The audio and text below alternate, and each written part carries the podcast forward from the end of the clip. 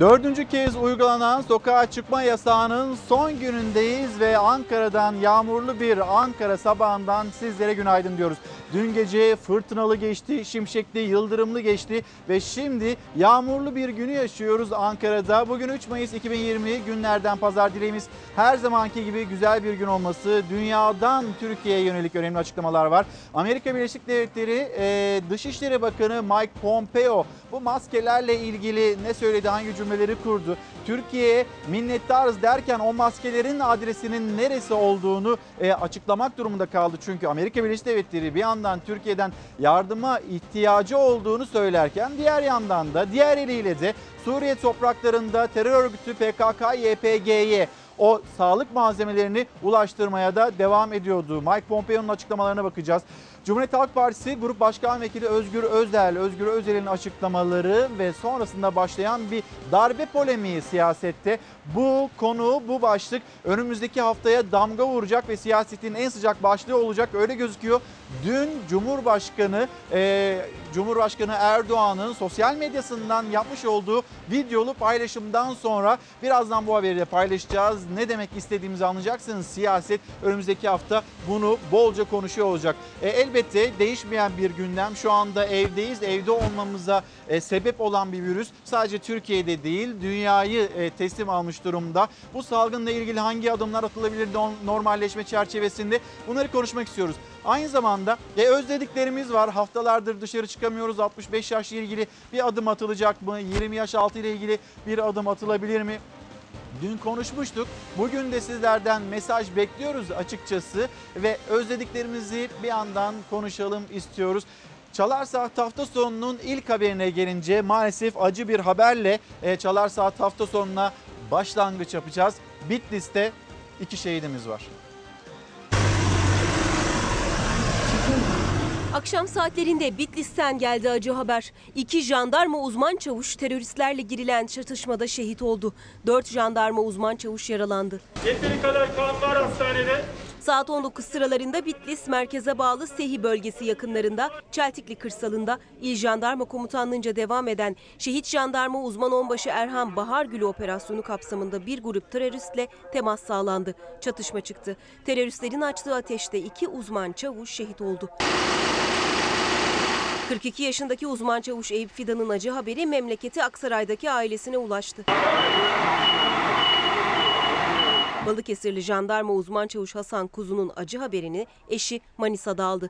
Nikahlarını yeni kıymış, henüz düğün bile yapamamışlardı. Şehidin cenazesi memleketi Balıkesir İvrindi'de toprağa verilecek.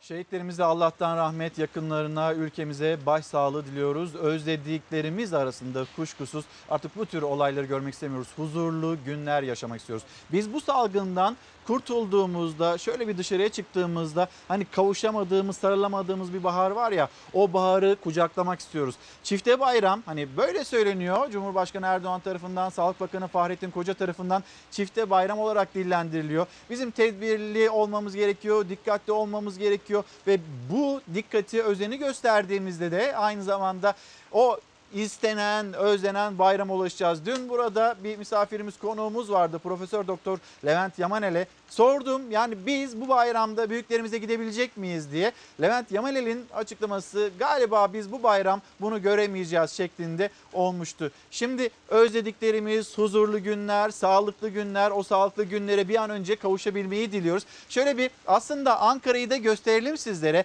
Ankara'nın sokaklarını, caddelerini, sokağa çıkma yasağının dördüncü gününde ve e, son gününde pazar gününde Ankara'nın sokaklarındaki caddelerindeki görüntüler nasıl derseniz Fox kameramanı Berkcan Tuğ ve aynı zamanda Mahmut Özgün sizlere o görüntüleri ulaştıracaklar. Şimdi yavaş yavaş Berkcan bize Kızılay Meydanı'nı gösteriyor. Burası normal bir günde yaklaşık 500 bin kişinin e, yolunun kesiştiği yer ve bütün belki de Ankara'daki pek çok araç trafiğinin de kesişme noktası şu an itibariyle şu saat itibariyle saatlerimiz Saatimizde 8.34'ü gösterirken Ankara'nın sokaklarının caddelerinin boş olduğunu görüyorsunuz. Dün de boştu sokağa çıkma yasağı var ama aynı zamanda bir yandan da böyle toplu taşıma evlerine ulaşmaya çalışan nöbetten dönen kişiler oluyordu. Dün biraz o yoğunluğu gördük gözlemledik Kızılay Meydanı'nda. Neden? Çünkü burası Ankara'nın kalbi. Dolayısıyla bütün yolların kesiştiği yer. O yüzden bir yoğunluk vardı ama bugün o yoğunluğu da görmüyoruz. Şimdi yine e, görüntülerde fırtınalı bir gece geride kaldı. Şimşekli bir gece e, geride kaldı. Yağmur e, ve yine o dolu görüntüleri mahsur kalan araçlar onlara yetişmeye çalışan, onları kurtarmaya çalışan itfaiye araçları sadece Ankara'da değil yurdun çeşitli bölgelerinden bu görüntüler geldi. Memleket havası. İstanbul'da şimşekler geceyi gündüze çevirdi. Yurdun büyük çoğunluğu sağanak yağışa yakalandı. İstanbul'a bütün gün gelmesi beklenen sağanak yağış gece bastırdı. Özellikle Silivri'de yağış su taşkınlarına neden oldu. Başkentte ise önce dolu sonra yağmur vardı. Yollar kısa sürede göle döndü. Bir araç suya gömülünce itfaiye çağrıldı. Karabük'te iki gündür devam ediyordu sağanak yağmur. Dün birdenbire şiddetini artırdı. Bir saatte metrekareye 5 kilogram yağış düştü.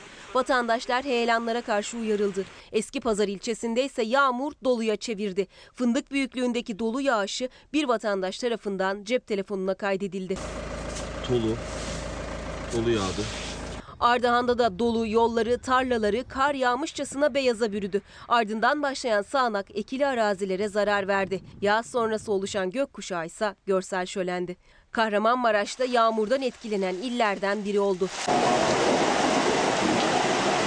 İki gündür şiddetli yağmur, yer yerde şiddetli doluya maruz kalan Mersin'in Erdemli ilçesi en fazla zarar gören bölge. Meyve bahçeleri, sebze tarlalarının hali perişan. Bazı bölgelerde ceviz büyüklüğündeki dolu 2 saatten uzun bir süre yağdı. Dolu afeti yaşayan Esenpınar mahallesinde Tarım ve Orman İlçe Müdürlüğü tarafından ön hasar tespit çalışmalarına başlandı. İlk belirlemelere göre dolunun tül örtülü tesislerde %80 ve üzeri zarara yol açtığı, üzeri açık bahçelerde ise %100'lere varan bir zarara neden olduğu belirlendi. Köylüler oluşan zarar nedeniyle destek bekliyor. Ağaçların e, ne yaprağı kaldı, e, ne meyvesi kaldı. Yeni dikilen tarlalardaki bütün e, fideler falan hepsi öldü. Arabaları falan mahvetti. Köye afet geldi. Adana'da önceki gün yağış nedeniyle mağdur olan tarım işçilerine AFAD ekipleri tarafından 500 yatak ve battaniye yardımı yapıldı. Meteoroloji Genel Müdürlüğü Bursa ve çevre illerde dün gece başlayan yağışların bu geceye kadar sürebileceğini açıkladı. Turuncu uyarı yayınladı. Marmara'nın batısına ve İç Ege'deki illere de yağış uyarısı yapıldı. Bugün yağışlar aralıklı ve yerel olarak kuvvetli olacak. Sel, su baskını, yıldırım, ulaşımda aksamalar, yağış anında kuvvetli rüzgar gibi olumsuzluklara karşı dikkatli ve tedbirli olmak gerekiyor. İrfan Bey günaydın. İrfan Savaş. Ne olacak şimdi bu EYT'lilerin hali diye sormakta. Hani zaten bir problemi yaşıyoruz. Bir de bunun üzerine koronavirüs evlerde e, kaldık. Zaten iş bulmakta sorun yaşıyorduk. Daha da üzerine binen sorunlar yumağıyla e, karşı karşıyayız. Biz bu meseleyi nasıl çözeceğiz? İşte zamanında çözülmedi. Bu emeklilikte yaşa takılanların meselesi. Şimdi geldik bu sıkıntıları hep birlikte yaşıyoruz demekte. Hilmi Taşkın günaydın. E, Yavuz Kabarık selamlarımızı iletelim. Nurhan Hanım neyi özlemedik ki? Günaydın oğlum. İlker camı açıp e, bizi çıkartın evden diye imdat diye bağırmak istiyorum diyor. Evet 65 yaş 65 yaş üstü onlar çok sıkıldı. 20 yaş altı onlar çok sıkıldı. Dışarıda güzel bir hava var. Gerçi bugün Ankara'da memleketin çeşitli yerlerinde noktalarında yağmurlu bir havadan söz ediyoruz belki ama e, yine de yarın e, o güneş açacak. Önümüzdeki günlerde açacak. Belki önümüzdeki hafta güzel bir hafta sonu olacak. Ama biliyoruz ki Sağlık Bakanı Fahrettin Koca'nın açıklamaları bu ay boyunca sokağa çıkma kısıtlamaları hafta sonları devam edecek esnafın yaşadığı sıkıntılar var. Bunları konuşacağız. Konuşacağımız konulardan bir tanesi bu. Eskisi gibi iş yapabilmeyi özledik diyen e, çiçekçiler esnafı. Birazdan Ankara Çiçekçiler Odası Başkanı Emin Şirin'i, Emin Çimen'i burada e, misafir edeceğiz. İşte kendisi gelmeden çiçekleri geldiği çiçeklerini e, bizimle paylaştı. Şimdi göstermiş de olalım. Sıradaki haberimiz aslında artık yavaş yavaş korona gündemine dair olacak ama İsterseniz bir de gazetelere bakmış olalım. Hürriyet gazetesi, Hürriyet gazetesinin manşetini de sizlerle paylaşmış olalım. Manşette yine bilim kurulundan önemli bir isim Profesör Doktor Ateş Kara ve onun uyarıları. Bir yandan her şey güzel gidiyor. İşte tablo olumlu. Bu cümleleri kuruyoruz ama aynı zamanda dikkatli olmamız gerekiyor. Tedbirli olmamız gerekiyor. Bizim elimizde hani bir aşı varsa o da tedbirden başka bir şey değil çünkü dünyanın hiçbir yerinde o aşı bulunamadı. Buna dikkat etmemiz gerekiyor. Bu uyarı yapan isimlerden bir tanesi de Ateş Kara. 36 bin hayalet taşıyıcı var demekte. Nedir detayları?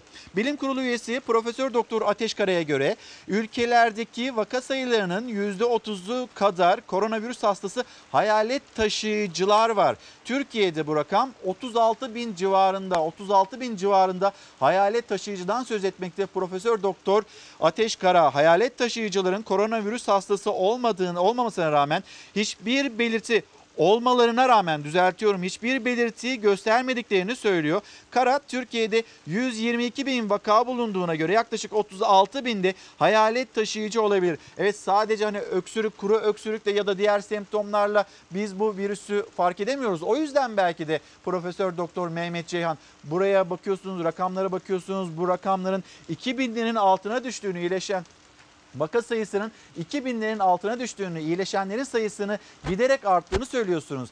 Ama bizim galiba ölçümleme teknikleri, test tekniklerinde de bir değişikliğe gitmemiz lazım. Daha fazla kişiye ulaşmamız, daha fazla test yapmamız lazım diyen profesörlerden birisiydi. İşte Ateşkara'nın açıklamaları 36 bin hayalet e, bu virüsü taşıyan vatandaş olabileceğini söylüyor. E, böyle bir durum varsa onları da filyasyon sistemiyle yakalayabilmek için daha fazla test yapılması gerektiğini hatırlatmış olalım. Şimdi sıradaki haberimiz tabloyla ilgili ne oldu yasaklara da bir bakacağız. Birazdan tabloyu paylaşacağız ama hani o yasaklar devreye girdi. Dördüncü kez sokağa çıkma e, kısıtlaması uygulanıyor bugün son günü. Peki biz bu yasaklara uyuyor muyuz, riayet ediyor muyuz? Şöyle bir bakalım.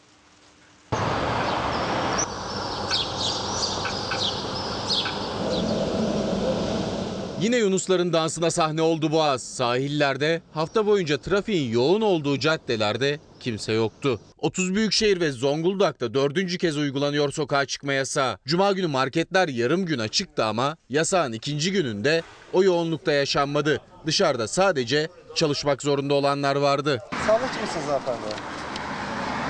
Tamamdır, geçebilirsiniz. 31 ilde 63 milyon 640 bin kişiyi kapsıyor yasak. Önceki hafta 4 gündü. Bu kez 72 saatliğine ilan edildi. Yine fırınlar açıktı. Yoğunluk olmasın diye iftara 2 saat kala pide üretimine ara veriliyor ama sadece o saat aralığında değil. Gün boyu fırınlarda denetim sürdü. Pidemizin gramajı çok güzel. 350 gram pidemizin 3 TL'ye satılması gerekiyor. Bu 385 gram geliyor. Kendi sağlığımız için sosyal mesafeye kesinlikle uymamız lazım. Bazı fırınlarsa ekmek satışını yine mahalle mahalle gezerek yaptı. Bursa'daki fırıncıysa hem ekmek sattı hem de evden çıkamayanlara moral oldu. Ekmeklerin tazedir de amca gelip alsana. Bir taneden ne olacak bey amca? Beraber. Üç dört tane alsana, üç dört tane alsana. Fırınlar gibi araçlar da yasak boyunca denetleniyor. Yasağın ikinci gününde de polis görev başındaydı. İstanbul'un neredeyse her noktasında polis kontrolleri var. Polisler durdurdukları araçların içindekilere sokağa çıkma yasağında dışarı çıkmak için izinleri olup olmadığını soruyor. Bir şirkette çalışıyorsunuz herhalde, bir izin belgeniz yok. Ceza yiyeceksiniz. Doğru yapıyorlar bir şey. 9'dan sonra çıkabilirim diye düşünmüştüm. Belgesi olmayanlar para cezasıyla karşılaştı. Sadece araçtakiler de değil. Yayalara da neden dışarıda olduklarını soruyor polis. Kahramanmaraş'ta da kontrol noktasından kaçmaya çalışanlar oldu. Ama polis göz açtırmadı. 392'şer lira ceza kesildi 3 arkadaşa. Bir tane şuraya. Muğla'da aç kalan güvercinleri bekçiler besledi. İstanbul'da ise Sarıyer sahilinde atlı jandarma birlikleri nöbetteydi. Topkapı Sarayı'nda görevli ekipler sokağa çıkma yasağında sahil denetiminde görevlendirildi. Sokağa çıkma yasağı sırasında denize açılıp balık tutmak isteyenler için de sahil güvenlik ekipleri devreye geziyor. Özellikle yazlıkların yoğun olduğu sahil şeritleri en sık denetlenen yerler arasında. Koronavirüsle mücadelemiz devam ediyor. Baharın gelmesi, havaların dünkü tabloya hep birlikte bakalım. Fahrettin Koca, Sağlık Bakanı tarafından açıklanmış o tablo bize neyi söylüyor? Umutlu bir tablo aslında yine karşımıza çıkan. Fahrettin Koca'nın cümlelerine de baktığımızda benzer bir durumu görüyoruz aynı zamanda. 30 Mart'tan bu yana ilk kez günlük vaka sayısı 2000'lerin altına düştü. Bunu açıkladı Fahrettin Koca. Yeni iyileşen hasta sayımız bunun 2,5 katına yakın. E, evvelsi gün 2.25 seviyesindeydi. Dün açıklanan 2,5 katına yakın. Yani her geçen gün dikkatli olduğumuz süre e, zarfında kuşkusuz daha güzel bir tabloyla karşı karşıya kalıyoruz. Şimdi o tabloyu hep birlikte bir kez daha inceleyelim. Ne kadar test yapıldığını e, dün 36.318 test yapıldığını söylemekte Fahrettin Koca Sağlık Bakanı. Vaka sayısı 30 Mart'tan bu yana ilk kez 2000'lerin altında 1983. Yaşamını yitirenlerin sayısı maalesef 78 kişi ve dün iyileşenlerin sayısı da 4451. Burada tablonun bu tarafına bakarken aynı zamanda entübe hasta sayısına, yoğun bakımda ne kadar hasta var ona da bakmamız gerekiyor. Çünkü buradaki hasta vaka sayısının da yavaş yavaş azaldığını görüyoruz. Mesela yoğun bakımda bulunan hasta sayısı 1445 bu seviyelere kadar geriledi ve entübe yani solunum destek cihazına bağlı olan hasta sayısının da yine azaldığını 778 olduğunu söyleyeyim. Şimdi yine hem mesajlarınızdan hem de e, gazetelerdeki haberlerden devam edeceğiz. Türk Gün gazetesine bir bakalım. Burada bir başarı var. Aslında dün de dillendirildi. Bilim kurulu üyeleri de dillendiriyor. Ama bir şerh koyarak yani burada bir başarı var.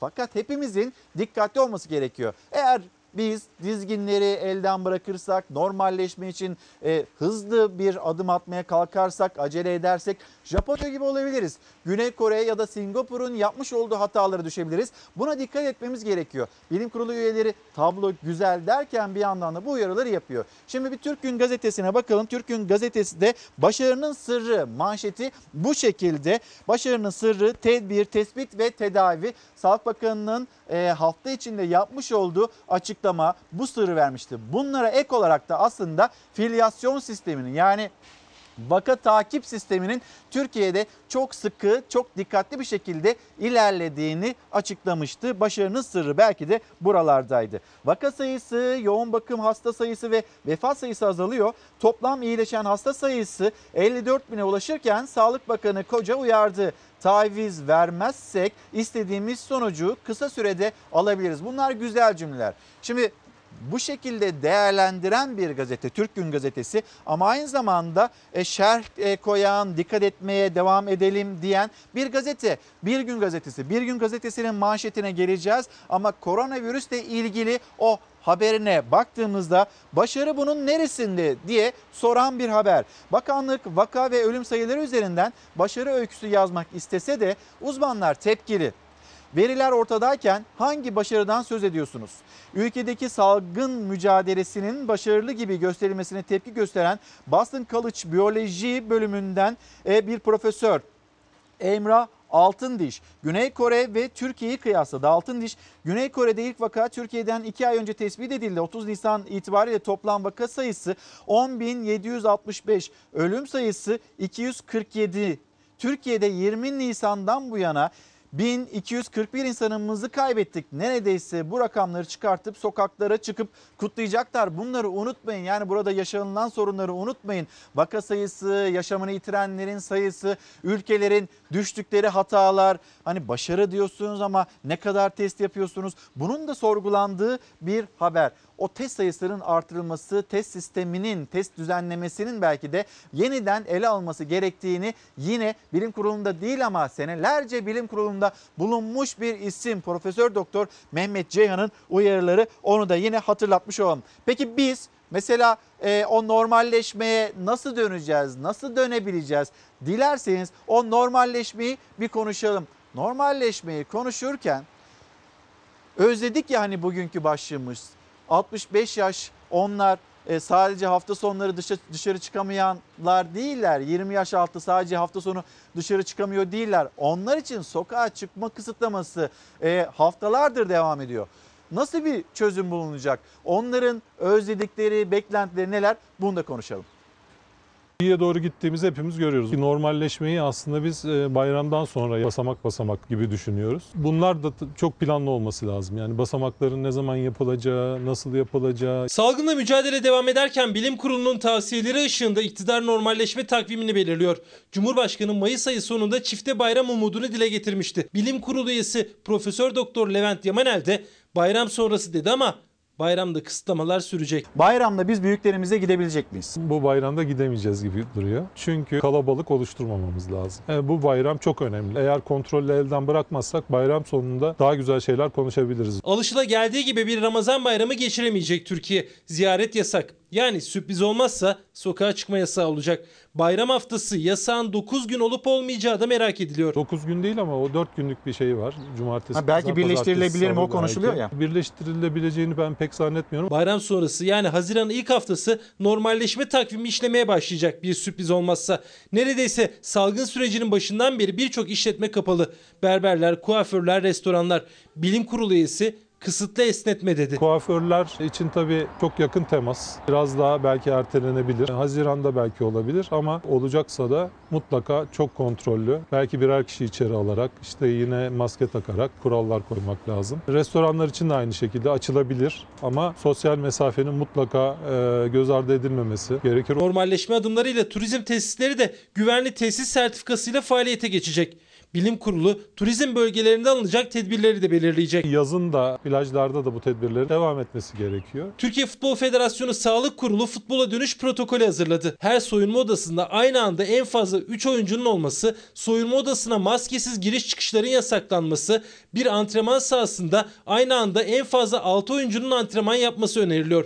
Peki maçlar nasıl oynanacak? Statlara seyirci alınacak mı? Maçlarda aralar açık oturulacak, maske takılacak. Futbolcular maç sırasında maske mi takacak? Öyle bir şey herhalde söz konusu olmaz diye düşünüyorum. Futbolcuların daha önceden taramaları yapılabilir belki. Düğünlerimizi yapabilecek Evet, miyiz? Biraz zor. Kalabalık oluş- oluşturmamak lazım. Bilim Kurulu üyesi Yamanel'e göre normalleşme adımları yavaş yavaş atılacak. Eski hayatı dönüş uzun zaman alacak. Aşı bulunana kadar böyle. Eskisi gibi kesinlikle olamayız ama ne zaman etkin bir aşı bulunur o zaman tabii ki herkes bağışıklanır. O zaman tabii ki normalleşebiliriz. Hürriyet gazetesinin haberine göre vaka sayısını sıfıra indiren Bartın, Burdur, Gümüşhane, Tunceli gibi 15 şehri korumak için tersine karantina uygulaması da gündemde.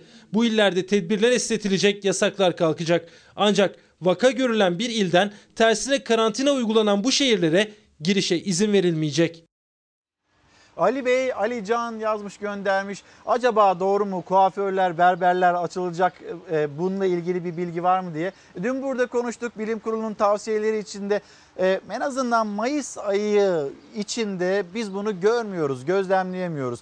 Yani keşke açılsa onların ne kadar zor durumda olduğunu e, biz biliyoruz. Sizlerden gelen mesajlar elimizden geldiğince paylaşmaya çalışıyoruz. Ama bir yandan da işte o tedbirler kapsamında o esnetilmesi düşünülüyor ya hani normalleşme için bazı tedbirlerin o tedbirlerin içinde ilk aşamada akla gelen dükkanlar arasında e, berberler, kuaförler maalesef e, Ali Can Bey e, bulunmamakta. Bir gün gazetesine baktık. Bir gün gazetesinden bir karar gazetesine geçelim. Karar gazetesinin manşeti şimdi Ali Can Bey hatırlatıyor. Berberler, kuaförler onlarla ilgili atılacak adımlar.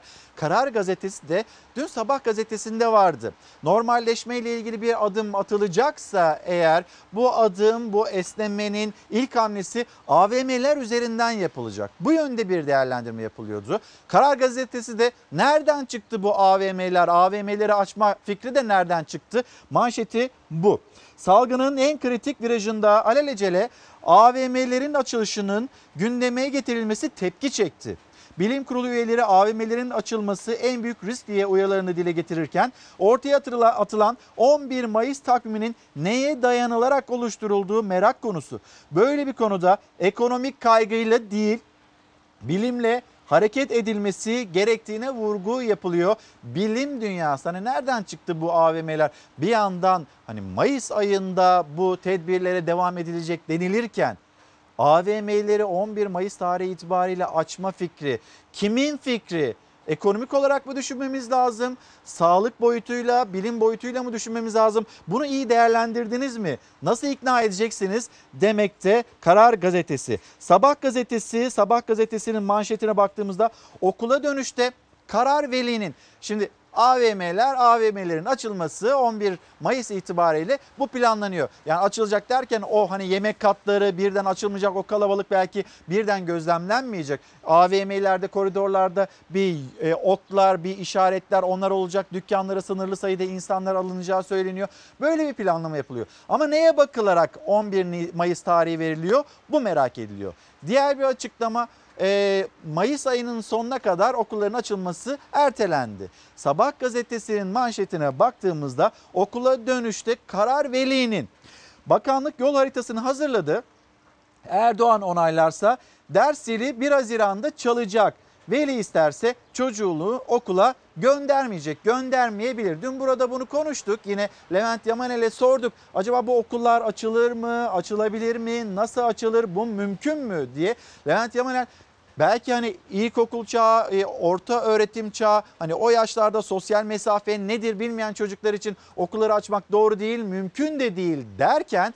E, lise son sınıflar için yani daha büyükler için belki de okulların açılması mümkün olabilir. Böyle bir düzenleme mantıklı olabilir istenilirse demişti. Şimdi velinin e, inisiyatifine bırakılmış bir konuysa mesela ben bir veli olarak okula çocuğumu göndermem. 36 milyon hayalet virüs taşıyıcısının olduğu söylenen bir ülkede ben çocuğumla birlikte böyle bir riski almak istemem. Bu durumda okulları 1 Haziran'da açmaya çalışma gayreti kimsenin aklına da çok mantıklı gelmiyor. Veli isterse okula gidebilecek çocuklar, veli istemezse çocuğunu okula göndermeyecek. Bunun bir e, mantıklı zemini yok bence. Burada bir kural varsa herkes için eşit olarak uygulanması gerekiyor. Tekrar söyleyelim bir sınav, bir sınav düzenlemesi yapılacaksa mesela 7 Haziran'da e, liseye, liselere geçiş sınavları bunlar yapılacaksa bunun planlaması yapılsın. Ya da Temmuz ayına ertelenmişti üniversite sınavı öne çekilecek mi çekilmeyecek mi? Çocukların da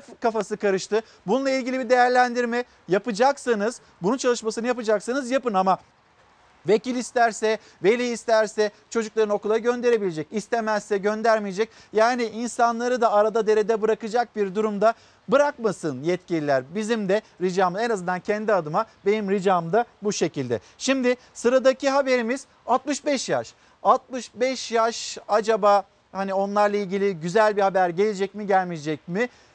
Cumhurbaşkanlığı sözcüsü İbrahim Kalın dün katıldığı televizyon programında yarını işaret etti. Yarın 65 yaş aslında Cumhurbaşkanı Erdoğan'dan bir müjde beklesinler dedi. Hafta sonları veya işte sokağa çıkma yasağının olduğu 1-2 saat onların yürüyüşlerinin e, gerçekleştirilmesiyle ilgili böyle tavsiyelerimiz oldu. 65 yaş ve üstü bilim kurulunun tavsiyesini de ilk kez açıkladı Profesör Doktor Levent Yamanel. Sokağa çıkma yasağının olduğu günlerde birkaç saatlik yürüyüş izni verilebilir dedi. 65 yaş üstü büyüklerimizi hiç olmazsa birkaç saat gezmelerini, dolaşmalarını araç kullanmadan yakın mesafe anlamında yapılabilir mi? Serbestlik söz konusu olabilir mi diye gündem oldu. Daha net bir öneriye dönmedi. Sağlık Bakanı Fahrettin Koca da bilim kurulunda tartışıldığını söyledi ama 65 yaş ve üstüne uygulanan yasakta esnetme olacak mı ne zaman olacak sorusuna net yanıtı vermedi. Bilim kurulu yasağı esnetmeyi tartışıyor. Çünkü 65 yaş ve üstünün hareket etmesi de önemli. 65 yaş üzeri özellikle hareketsiz kalmakla e, kaslarında kayıplar oluyor. Erimeler oluyor ve daha çok hareketsizliğe vuruyor vatandaşlarımız. Öyle olunca da 65 yaş üstünü özellikle bir hareketlendirmek lazım diye düşünüyorum. 65 yaş ve üstü vatandaşlar yaklaşık bir buçuk aydır evdeler. Son bilim kurulu toplantısında da birkaç saatlik hareket imkanı sunulması konuşuldu. Çerçevesi de belirlendi. Hafta sonları sokağa çıkma yasağının olduğu günlerde kısıtlı sokağa çıkma izni verilebilir görüşü bilim kurulu üyelerince dile getirildi. Çoğunluk tabii 65 yaşın üzerinin birazcık hareketlendirmesinden yana. 21 Mart'ta 65 yaş ve üstüne getirilen sokağa çıkma yasağında bir esnetme olacak ama net tarih belli değil. Sokağa çıkmaları yasak olan 20 yaş altındakiler içinse uzun bir süre daha esnetme söz konusu değil. Çocukların dışarı çıkmaları daha tehlikeli. Benim kızım oğlum da öyle. Ne zaman çıkacağız dışarı diye soruyorlar her zaman. Yanıtınız? Ee, vallahi biraz uzun sürecek tabii. Yani e, buna biraz alışacağız. Cumhurbaşkanlığı Sözcüsü İbrahim Kalın dün katıldığı televizyon programında soruldu. Çünkü 65 yaş onların e, tıbbi olarak sağlık anlamında da evde bu kadar uzun süre kalmalarının doğru olmadığının uyarısını yapan yine E, doktorlar aynı zamanda bilim kurulunda da görüş bu şekilde çıkınca ağırlıkla yarın gözler Cumhurbaşkanı Erdoğan'a çevrildi. Cumhurbaşkanı Erdoğan'dan bu konuda bir kısıtlama esnemesi gelebilir. Deniz abi günaydın. Hoş geldin. Böyle sıcağı sıcağına o bilgiyi vereyim dedim. Öyle günaydın diyeyim dedim sana. Deniz abi bugün iki konuyu konuşacağız.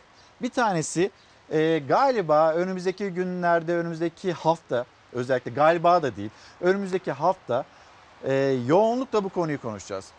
Cumhuriyet Halk Partisi Grup Başkan Vekili Özgür Özel'in cümleleri, saray rejimi gidiyor açıklaması, sonrasında bu cümlelerin darbe çağrısı şeklinde AK Parti tarafından ya da Cumhur İttifakı tarafından yorumlanışı. Dün akşam saatlerinde Cumhurbaşkanı Erdoğan sosyal medya üzerinden videolu bir paylaşım yaptı. O videolu paylaşım neyi içeriyordu? Birazdan konuşacağız. Ama önce Hüseyin'den bir rica edelim. Sözcü gazetesi, Sözcü gazetesinin bir sür manşetine bakalım. Çünkü bugün gazeteciler için kıymetli bir gün. Dünya Basın Özgürlüğü gününde Türkiye'nin acı tablosu. İsterseniz bir bunu konuşarak başlayalım hep birlikte. Gazeteciler hapiste, muhalif yayınlara keyfi cezalar kesiliyor. Bugün 3 Mayıs Dünya Basın Özgürlüğü Günü ancak bugün Türkiye'de buruk kutlanıyor. Çünkü gazeteciler haber yüzünden hapiste ayrıca maddi cezalar da yağdırılıyor. Türkiye Gazeteciler Cemiyeti gazetecilik suç değildir. Haber alma hakkına hizmet eden onurlu bir meslektir. Siyasetçiler nefret söylemleriyle toplumu bölüyorlar diye bir hatırlatma, bir uyarıyı da yaptı. Deniz Evet. abi, e, Dünya Basın Özgürlüğü günün günümüz kutlu olsun. Peki Türkiye'deki tablo? Ee, çok parlak değil. Dünyadaki tablo parlak değil. Yani artık hani Amerika Birleşik Devletleri'nde dahi Amerikan Başkanı canlı yayınlarda gazetecilere fırça atmaya kalkıyor. Allah'tan orada oturmuş bir e, demokratik yapı var ki gazeteciler e, Amerikan Başkanı olsa da görüşlerini ifade etmekten çekinmiyorlar. Çünkü e, bir e, aralarında bir çatışma çıktığında yargı devreye giriyor ve e, kim haklı kim haksız onu ortaya koyuyor. Mesela e, Trump CNN International muhabirini e, sen artık buraya giremezsin bu basın toplantılarına diye Beyaz Saray akreditasyonunu iptal, iptal etmeye etti. çalıştı. Etti yani başta etti ama gitti CNN muhabiri mahkemeye başvurdu. Mahkeme dedi ki hayır böyle bir şey yapamazsın kardeşim. E, CNN muhabiri Trump'ın karşısında oturup soru sormaya e, devam etti. Yani bugün sadece Cumhurbaşkanlığının uyguladığı akredita- akreditasyon e, yasağı meselesi bile Türkiye'de basın özgürlüğünün olmadığını gösteriyor. Yani bugün birçok kurum, gazete, televizyon e, muhabirleri e, Cumhurbaşkanlığına girip oradaki etkinlikleri izleyemiyorlar. Davet edilmiyorlar vesaire. Yani bu bile başlı başına hani haber vermenin, e, yorum yapmanın vesaire zorluğu dışında. Bu pratik uygulama bile bunu gösteriyor. E, Bir kere e, gazetecilik, e, George Or- Orwell'ın bir şeyi var, ifadesi var. Gazetecilik birilerini rahatsız eden haberleri yazmaktır. Gazetecilik e, yani öyle haber yaparsın ki birileri rahatsız olur ondan. E, gazete geri kalanı diyor halkla ilişkilerdir, reklamdır. Yani benim görevim e, AK Parti'nin ya da Cumhurbaşkanı'nın propagandasını yapmak ya da onun PR, halkla ilişkilerini yapmak değil. Benim görevim halkın haber alma hakkına hizmet etmektir. Bir, bir yerde bir gelişme oluyorsa e, onu başka yerdeki insanlara taşımaktır. Mesela e, Allah'tan rahmet diliyorum. Bitlis'te şehitlerimiz var, iki şehidimiz var. Allah rahmet Gerçekten üzüldük ama basının olmadığını düşün, gazetelerin olmadığını düşün. Bitlis'teki o olayı Türkiye duyamaz yani. Şimdi sosyal medya var oradan yayılır, duyulur falan denilebilir ama e, bu tür şeylerin iyi ya da kötü bütün haberlerin e, bütün dünyaya, bütün ülkelere yayılmasının e, aracısıdır gazeteci. Yani İngilizce'de reporter'dır. Eski Osmanlıca'da, Arapça'da muhbirdir. Sele, selefidir. İşte o, o coğrafyalarda da sonuçta e, sahafidir pardon. E, yani haber taşıyan adamdır ama bakıyorsun bugün cezaevinde gazeteci var mı? Var. İşte Murat Arel niye içeride? Murat Barışlar, Arel Barış içeride, Terkoğlu Hülya niye Kılıç içeride? içeride, Barış Terkoğlu, Barış Pehlivan. Evet niye içeride onlar? Haber yaptıkları için. Başka bir şey var mı? Eline silah alıp daha mı çıktı? Devlete baş mı Söz orada kaldırdı? galiba bu e, hani af da denilmiyor. O düzenlemeye geldi. İşte orada dışarı çıkabilenler, tahliye olabilenler ama yine Vallahi içeride kalmaya bak, devam eden gazeteciler. Mafya babaları çıktı. Organize suç örgütü üyeleri çıktı. İşte e, yaralama suçunu işleyenler yani eşini döven, bilmem aileden birini bıçaklayan vesaire birilerini yaralayan insanlar çıktı. Hırsızlar çıktı, dolandırıcılar çıktı. E, hatta çıkanlardan bazıları çıktıkları gün yine cinayet işlediler. Ama gazeteciler çıkmasın diye düzenlemeye ek yapıldı. Şu yasadan dolayı içeride olanlar da çıkmasın diye ek yapıldı. Yani bu koşullar altında kimse kusura bakmasın. Türkiye basın özgürlüğü açısından demokratik bir ülkedir cümlesini kurmak o kadar kolay değil. Ha hükümetin propagandasını yapıyorsan, hükümet için halkla ilişkiler görevi üstleniyorsan o zaman özgürsün, sonuna kadar özgürsün. Ama bir e, ufak bir eleştiri yaptığında e, her türlü yöntem kullanılıyor. Yani gazeteciler işte sosyal medyada e, itibar suikastine ma- maruz bırakılıyor, linç ediliyor vesaire. işini yapamaz hale getirilmeye çalışılıyor.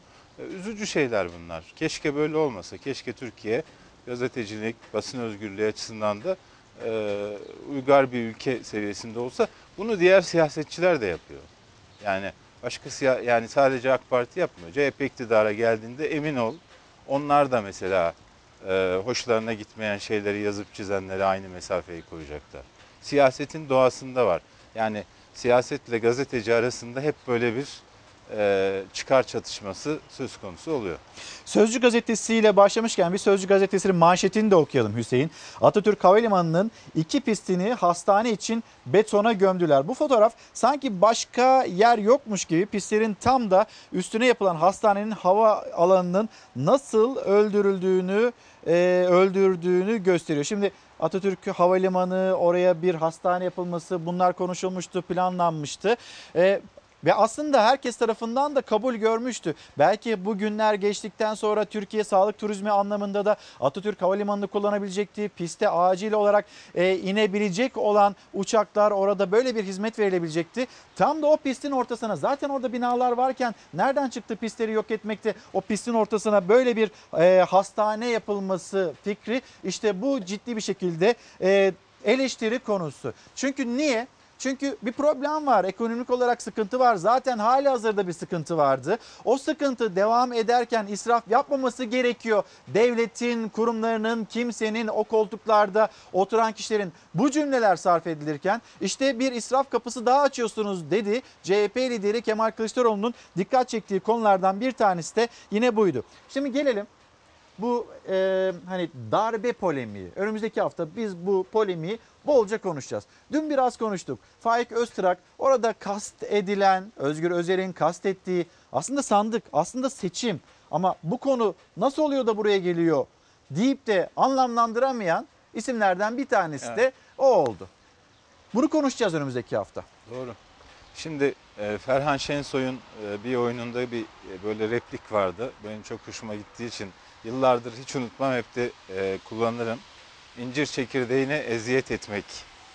Niye eziyet etmek? Doldurmak için eziyet etmek. Yani elinde malzeme yok. İncir çekirdeğini zorluyorsun dolduracağım diye.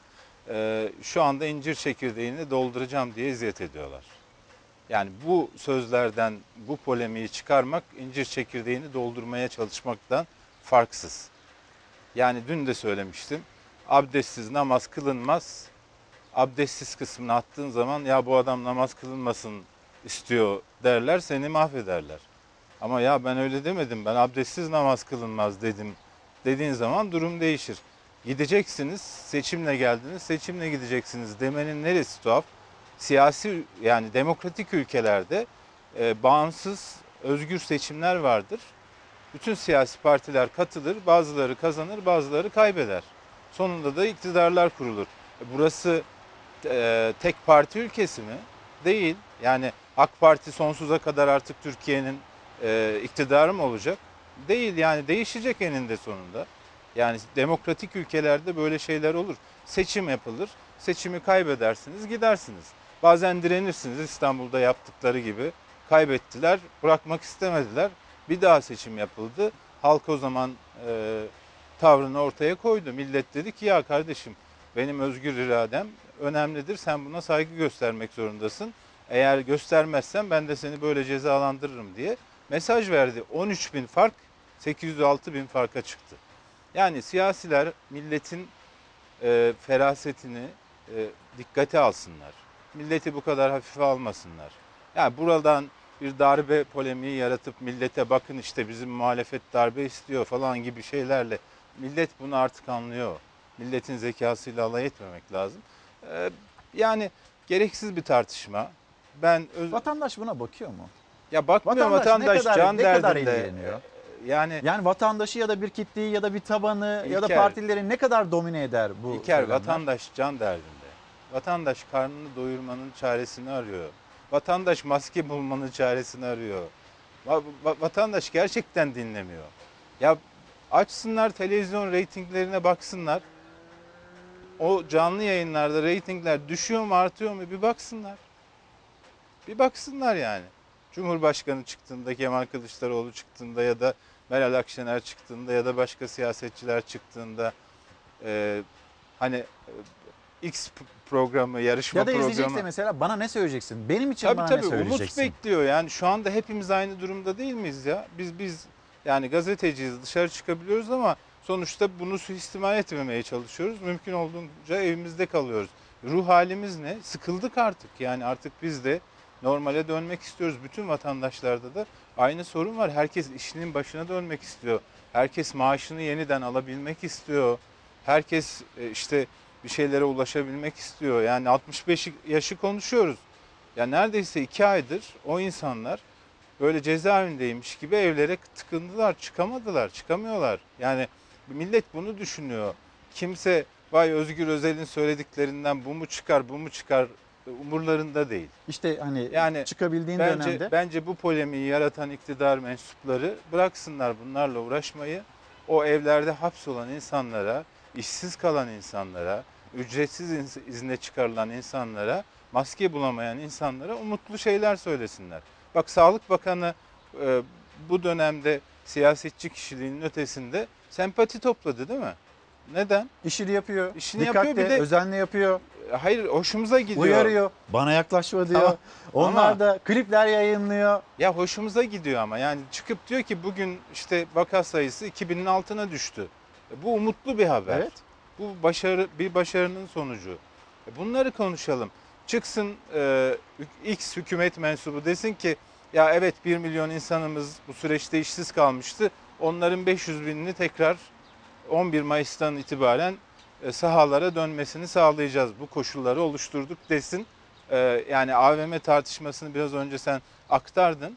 AVM'nin açılıp açılmayacağını bilmiyorum ama netice itibariyle çalışanlar işinin başına dönerse, yeniden para kazanmaya başlarsa e, iyi bir şey. Bunu bunu sağlık yani bu salgın meselesini azdırmayacak şekilde organize edebilirse Zaten her Hükümet- cümle öyle. Her cümle Ha. başına tedbir konularak. Ha. Ya. Tabii ki açılsın ama tedbir. İşte Kuaförler, berberler, herkes çiçekçi bunu bekliyor. Herkes bunu bekliyor. Yani Ama Deniz abi herkes bunu beklerken söylediğin cümlelerin hepsi doğru. Herkes bunu beklerken biz bu hafta siyasette Cumhurbaşkanı Erdoğan'ın dün akşam yapmış olduğu o sosyal medya paylaşımını ve devam eden darbe polemiğini konuşacağız. Yarın milletimizin karşısında boynumuz bükük mahcup durmaktansa bugün içerideki ve dışarıdaki alçakların karşısına dimdik dikilir, kaderimiz neyse ona rıza gösteririz. Kim dönerse dönsün, biz dönmeyiz bu yoldan. Cumhurbaşkanı Erdoğan'ın sosyal medyasından yayınlanan bu video AK Parti ve CHP arasında darbe polemiğinin hız kesmeyeceğinin net bir göstergesi. çocuklarımızın, torunlarımızın geleceğini de şekillendirecek bir yoldur. Onun için kim dönerse dönsün, biz dönmeyiz bu yoldan. CHP'li arkadaşlar ya akla ziyan şeyler söylüyorlar. Böyle şey olur mu ya? Bu hükümet gidecek. Öyle ya da böyle gidecek. Her şey sandıktan ibaret değildir diyorsanız darbecilere göz kırpıyorsunuz demektir. Bizim söylemlerimizden darbe çıkmaz. Eğer siz sandığı kendinize karşı bir darbe olarak görüyorsanız ülke son derece sıkıntılı durumdadır. Bugünlerde demokrasi dışı arayışlarını gizlemeyen, sandıkta bulamadıklarını sokaklardan devşirmeye çalışan sefil siyasetçilerin, sefil destekçilerinin ağızlarından düşürmedikleri demokrasi elbette sahte ve sanaldır. Cumhur İttifakı ile CHP arasındaki darbe polemiği büyüyor. AK Parti'den sonra MHP lideri Bahçeli de CHP'yi darbe çağrısıyla suçlarken ana muhalefet iktidarı sandığa saygı duymamakla eleştirdi. İçi sert mesajlar yüklü videolu çıkış ise Cumhurbaşkanı'ndan gece saatlerinde geldi. Videoyla 3 Kasım, kapatma davası, Gezi Parkı olayları ve 15 Temmuz darbe girişimi hatırlatıldı. İster 15 Temmuz'da olduğu gibi darbe yapıp canımıza kastetsinler. Ne yaparlarsa yapsınlar. Biz bu yoldan dönmeyeceğiz. Allah'a can borcumuzdan, milletimize hizmet borcumuzdan başka kimseye eyvallahımız yoktur, olmayacaktır. gideceğini görüyor, kaybedeceğini görüyor. Acaba yerimde nasıl tutunabilirim bunun arayışı içinde? Durduk yerde illaki değişecek. Ne olursa olsun, nasıl olursa olsun değişecek. Tam bir darbeci sloganıdır. Kusura bakmayın birilerine göz kırpıyorsunuz demektir. Tek adam parti devleti rejimi korku içindedir, telaş içindedir. Çünkü milletin taleplerine cevap verememektedir. Ve milletin ilk fırsatta sandık önüne geldiğinde bu rejimi değiştireceğini bilmektedir. Tartışma CHP Grup Başkan Vekili Özgür Özel'in sözleriyle başladı. Özel'in saray rejiminin sonu geliyor cümlesi iktidara göre darbe beklentisi. CHP İstanbul İl Başkanı'nın sözleriyle tartışma alevlendi. rejiminin, saray düzeninin sonu geliyor. Kusura bakmayın. Saray rejimi diye bir rejim Türkiye'de yoktur. Türkiye'de demokrasi vardır. Demokrasinin en büyük düşmanı darbeler ve darbecilerdir. erken seçimlere veya başka bir şekilde bir sistem değişikliğine gidişatı görüyorum. Müstebit kafalar, millete tepeden bakan antidemokratik emeller, milli iradeyi yok sayan işbirlikçi çevreler bir şekilde sözüyle ateşle oynamaktadır. Bizim söylediğimiz şu sandık geldiğinde millet size gereken dersi verecektir. 2023'te Cumhurbaşkanlığı seçimi var. Hazırlanın, gayret edin, sandığa gidin. Millet seçerse başımız gözümüz üstüne. Sandıkta milletin iradesi ortaya çıktığında, milletin iradesi bunlara gidin dediğinde bunların gitmeme niyetini ortaya çıkarıyor. Bunu denediler.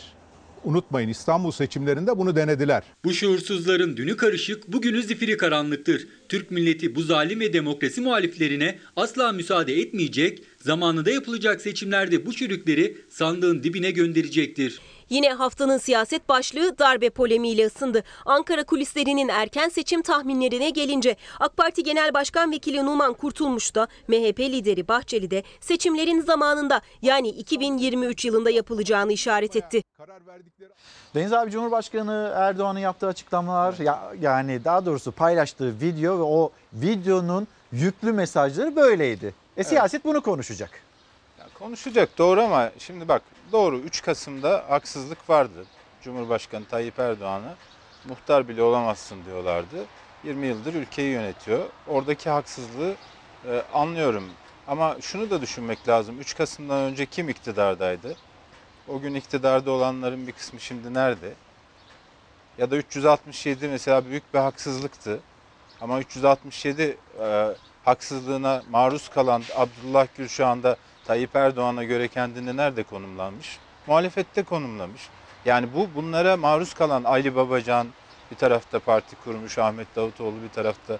Bunları da düşünmek lazım. Tabii Deniz abi bu arada bu sözler muhalefete olduğu kadar aynı zamanda partiden kopup gidenlere de o mesajlar. Tamam işte yani- Kim dönerse dönsün yolundan ben dönmem diyor. Tamam O parti da kapatma gidiyor. davası haksızlıktı ama şu anda siyasi irade, siyasi iktidar bütün bunları alt etmeyi başarmış. 15 Temmuz'u kim yaptı?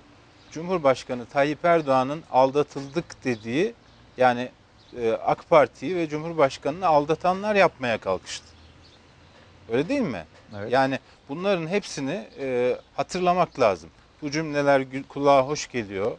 İnsanlara ben gerçekten e, gazetecilik hayatında da bunları hep şey yaptım. Yani 28 Şubat işte o 3 Kasım'da Cumhurbaşkanı milletvekili olamaması, 367 krizi, parti kapatma davaları bunların hepsi demokrasiye vurulan darbedir.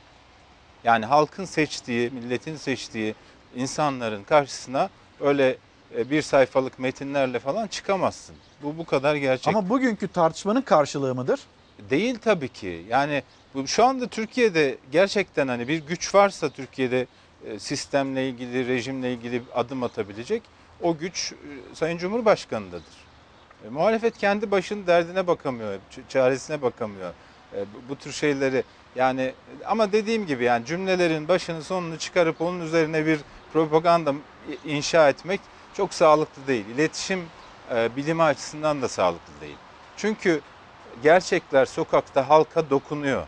Hani e, meşhur bir şey vardır. Bir, bir şeyi 40 kere söylersen herkes inanır.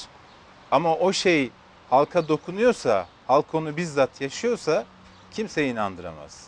Ekonomimiz roket gibi yükseliyor mesela. Bu cümleyi kurdun. Uçulu, uçacak denildi. Uçuşa geçti ya da işte roket gibi uçuyoruz Tünelin şu anda. ışık. Dedin mesela. Bunun bir önemi yok. Sokaktaki insan işsizse, sokaktaki insan aç- açsa, sokaktaki insan de- derdine Yani çare şey oluyor, bulamıyorsa Yastık altındaki paralarınız, altınlarınız onları çıkartın, bozdurun, ekonomiye katkıda bulunun derken vatandaş gidiyor bakıyor yastığın altına. bir şey yok. Bir şey yok. Yani. Deniz Yani abi. bir son bir şey Lütfen. söyleyeyim. Yani biz Amerika'ya maske gönderdik, işte İngiltere'ye maske gönderdik. Biz muhteşem e, insanlar da kızıyor ya ben maske bulamadım niye Amerikalılara gönderiyorsun? Onlar da Kuzey Irak'ta terör örgütüne, Suriye'de terör örgütüne gönderiyorlar diye insanlar da kızıyorlar. Ama yani siz mağdurlara yardım etmek için e, bağış kampanyası düzenliyorsunuz. Nasıl olacak? Ya halk bunu görüyor yani halkın gündemini yaşadıkları belirliyor. Artık siyasetçilerin ne dediği, hangi videoyu paylaştığı çok da önemli değil. Deniz abi teşekkürler. Sözcü gazetesi yazarı Deniz Zeyrek'le beraber konuştuk. Şimdi bir mola vereceğiz. Döndüğümüzde bir iki haber ve güzel bir haber, güzel bir haberi paylaşmak için de sizi Kuzey Kıbrıs Türk Cumhuriyeti'ne götüreceğiz. Bir mola verelim, burada buluşalım. Efendim günaydın. Çalar Saat hafta sonuna devam ediyoruz. Birazdan belki de televizyonunu yeni açmış olan izleyicilerimiz vardır. Onlar için dünün tablosunu aktaracağız. Aynı zamanda geceden sabah sıcak haberler var paylaşacağız. Kuzey Kıbrıs Türk Cumhuriyeti'ne gideceğiz. Bir iletişim uzmanı Özdemir Tokel'den güzel haberler var. Özdemir Tokel'den güzel haberleri alacağız. Kuzey Kıbrıs Türk Cumhuriyeti ile ilgili nedir o gelişmeler? Birazdan paylaşacağız. Kenan Bey diyor ki hani bugün özledik dedik. Başlığımız bu şekilde. Bu etiket altında konuşalım istedik. Siz neyi özlüyorsunuz? Bugünlerde işte sokağa çıkma kısıtlamasının olduğu günlerde özlediklerinizi bize yazar mısınız diye. Belki bir mektup atıyoruz önümüzdeki günlere, önümüzdeki haftalara. Bu günler geçtiğinde ah be biz ne günler geçirdik, neleri özledik ve şimdi onlara kavuştuk. Bunu konuşacağız ama şimdi özlediklerimiz. Kenan Bey geçmişe bir gidiş yapıyor. Siyasetçiler üzerinden yapılan karikatürler, skeçler, tiyatrolar. Biz bunları da özledik. Bunları da bir hatırlayalım demekte. Hadi şimdi hep birlikte bir dünün tablosuna bakalım. Hekimlerimiz, hemşirelerimiz ve bütün sağlık çalışanlarımız uzun fedakarlık isteyen nöbetler tutuyor. Türkiye salgınla mücadelede önemli bir eşiği geçti. 30 Mart'tan bu yana ilk kez günlük vaka sayısı 2000'in altına düştü. 2 Mayıs'ta 78 kişi hayatını kaybetti, 1983 yeni vaka tespit edildi. Virüsle mücadelede alınan önlemlere dikkat ettikçe başarı sağlanmaya devam edecek. Diğer yandaysa haklı olarak normalleşmeye doğru adım atmak istiyor Türkiye. Mart başından bu yana yavaş yavaş artırılan kısıtlama ve önlemlerle sürüyor salgınla mücadele. Aktif savaşın 3. ayında normalleşme süreci konuşulmaya başlandı. Ancak takvim ve izlenecek yol henüz net değil. Cumhurbaşkanlığı sözcüsü İbrahim Kalın, normalleşme takviminin oluşturulması ve tedbirlerin kademeli olarak esnetilmesi konusunda yarın yapılacak kabine toplantısını işaret etti. Önümüzdeki kabine toplantısında bu eğer bir karara bağlanırsa Cumhurbaşkanımız pazartesi günü millete sesleniş konuşmasında açıklayabilir. TV24'de açıklamalarda bulunan Kalın bunun bütün bakanlıklar ve sektörler arasında uyum içinde ve bilim kurulunun tavsiyeleri ışığında yapılması gerektiğini söyledi. Bayramda sokağa çıkma yasağı gelmesi olasılık dahilinde dedi. Kalın 45 gündür sokağa çıkma yasağı olan 65 yaş ve üstü vatandaşlarla 20 yaş altı gençler için esneme olabilir mi sorusuna da yanıt verdi. Pazartesi günü Cumhurbaşkanımızın bu konuda da bazı güzel haberleri olabilir. Salgınla mücadelede rakamlar son günlerde umut vermeye başladı. Sosyal medya hesabından 2 Mayıs tarihinin verilerini açıklayan Sağlık Bakanı Fahrettin Koca, yeni iyileşen hasta sayımız teşhis konulanın 2,5 katına yakın ifadelerini kullandı. Son verilere göre 2 Mayıs'ta hayatını kaybeden 78 kişiyle birlikte toplam can kaybı 3336'ya, toplam vaka sayısı da 124.375'e yükseldi. Yeni tanı konan hasta sayısı 1983. Yani 30 Mart'tan bu yana ilk kez 2000'in altında. İyileşen hasta sayımız 58.259'a ulaştı. Toplamda 1 milyon 111 bin 366 kişiye test yapıldı bugüne kadar. Türkiye bu sınavdan şu ana dek yüzünün akıyla çıktı. Bizi bu noktaya tedbirlere uyum ve titizlik getirdi. Bakan Koca, normalleşme sürecinde sanayi üretiminin koronavirüsü tedbirlerine uygun, güvenli devamı için çalışma başlattıklarını da duyurdu. Sanayi ve Teknoloji Bakanlığı ve Kocaeli Sanayi Odası'nın organizasyon desteğiyle Gebze'de günlük 5000 test kapasiteli bir laboratuvar kurulduğu haberini verdi. Sizler için gece gündüz görev başında olan bir sağlık ordusudur. Bu orduya güven. Bakan Koca bir de klip paylaştı sosyal medya hesabından. Murat Çorak'ın söylediği ve sağlık çalışanlarına teşekkür mesajları içeren şarkı için bu sesi hastane koridorlarında duyar gibiydik dedi. Senin için buradayım Her nefesinde varım Arzu Eratak, özledik eski günlerdeki az da yetinip mutlu huzurlu olmaya şimdi her şey var ama geçinmek, yarını düşünmeden yaşamak, gelecek için umut etmek o kadar zor ki umutsuz yaşamaz. Hep bunu söylüyoruz. Umut edeceğiz, umudumuzu kaybetmeyeceğiz. E, elbette geçecek bu günler. Sıkıntılar yaşıyoruz. O sıkıntıların aşacağını da biliyoruz kuşkusuz. E, yine bir başka izleyicimiz, o e, izleyicimizin mesajı da bir plak olsam, Zeki Müren çalsam, Bozulsam hep aynı yerde takılsam elbet bir gün buluşacağız. Özledim özgürlüğümü özledim evde kalmaktan sıkıldım diyen bir izleyicimiz Fernur Fernur e, İşitmen'in gönderdiği mesajda bu şekilde. Şimdi e o zaman güzel bir haber alalım. Kuzey Kıbrıs Türk Cumhuriyeti'ne gidelim. İletişim uzmanı e, Özdemir Tokel ile konuşacağız. Özdemir Bey günaydın. Sesimi duyabiliyor musunuz? Günaydın. Günaydın alıyorum sesinizi. Kuzey Kıbrıs Türk Cumhuriyeti'nden bütün e, Türkiye'de yaşayan tüm insanlara e, sevgilerimizi, selamlarımızı gönderiyoruz. Sağlık dolu günler diliyoruz. Teşekkür E, ediyoruz. Aynı zamanda Teşekkür bütün ediyoruz. dünya Çok sağ olun. insanlığına Şimdi da bunları e, diliyoruz. bir hafta önce 10 gün kadar öncesinde konuştuk. E, oradaki durumu aldık. Şimdi güzel bir haberi almak için aslında bağlandık. Anlatır mısınız o gelişmeyi? Evet, e, bugün 54. gün e, hastalığın, ilk hastalığın Kuzey Kıbrıs Türk Cumhuriyeti'nde görülmesinin üzerinden tam 54 gün e, geçti. E, ve yaklaşık olarak 16. gündeyiz. E, şu anda sıfır vaka var. E, 16 gün boyunca herhangi bir yeni vakaya e, rastlanmadı. E, biliyorsunuz hatırlayacağınız üzere 108 e, vakamız olmuştu. 4 tane ne, ne acıdır ki e, kayıp yaşadık.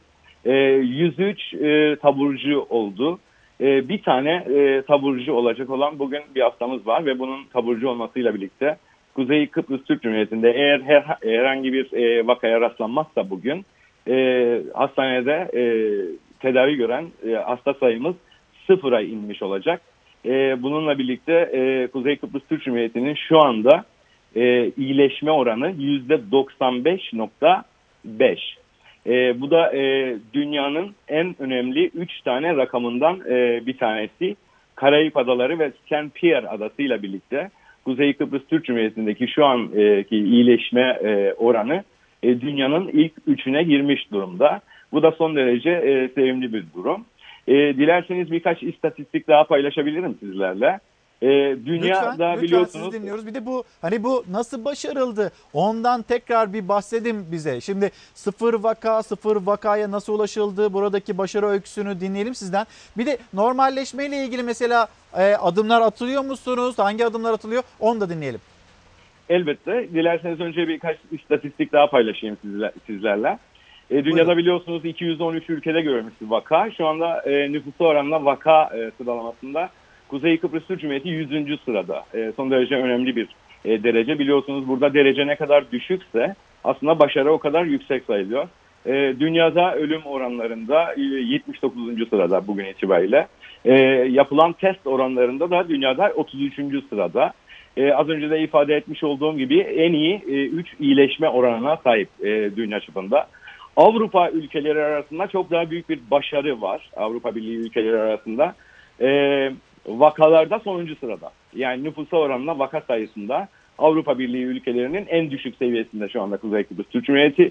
Ölüm oranlarında da yine aynı şekilde en düşük e, seviyede e, Kuzey Kıbrıs Türk Cumhuriyeti. Test oranlarında ise 13. sırada Kuzey Kıbrıs Türk Cumhuriyeti ve en iyi iyileşme oranına sahip şu anda Avrupa'da. Bunlar nasıl başarıldı diye soracak olursanız E, haliyle e, geçen yayında da konuşmuş olduğumuz gibi e, en başında daha vaka görülmeden sıfırıncı günde e, Kuzey Kıbrıs Türk Cumhuriyeti yetkili makamlarının almış olduğu ciddi radikal tedbirler olmuştu. Uçuşların durdurulması, e, kısmi sokağa çıkma yasağının başlatılması, gece tam sokağa çıkma yasaklarının uygulanması ve e, e, sağlam bir izolasyon vardı. Aynı zamanda Kuzey Kıbrıs Türk Cumhuriyeti vatandaşlarının, halkının da bu ortaya çıkan kurallara riayet etmesi e, söz konusuydu.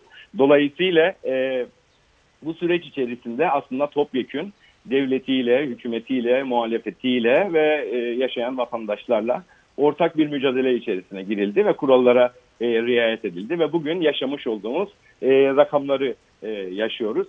Aslında e, bu rakamlar e, bizi çok fazla e, evet şimdilik sevindirse de e, kriz bitti, e, komple bütün salgın atlatıldı kesinlikle ve kesinlikle diyemeyiz. E, neden diyemeyiz? Çünkü e, geçen yayında da ifade etmiş olduğum gibi aslında bu küresel kriz. Dolayısıyla e, bütün dünyayla O zaman e, e, bize o var. normalleşme adımlarından da söz eder misiniz? Bu bilinçle hareket ediliyor. Kriz ya da işte bu salgın bitti diyebilmek mümkün değil. Yani dünyada, Türkiye'de, Kuzey Kıbrıs Türk Cumhuriyeti'nde.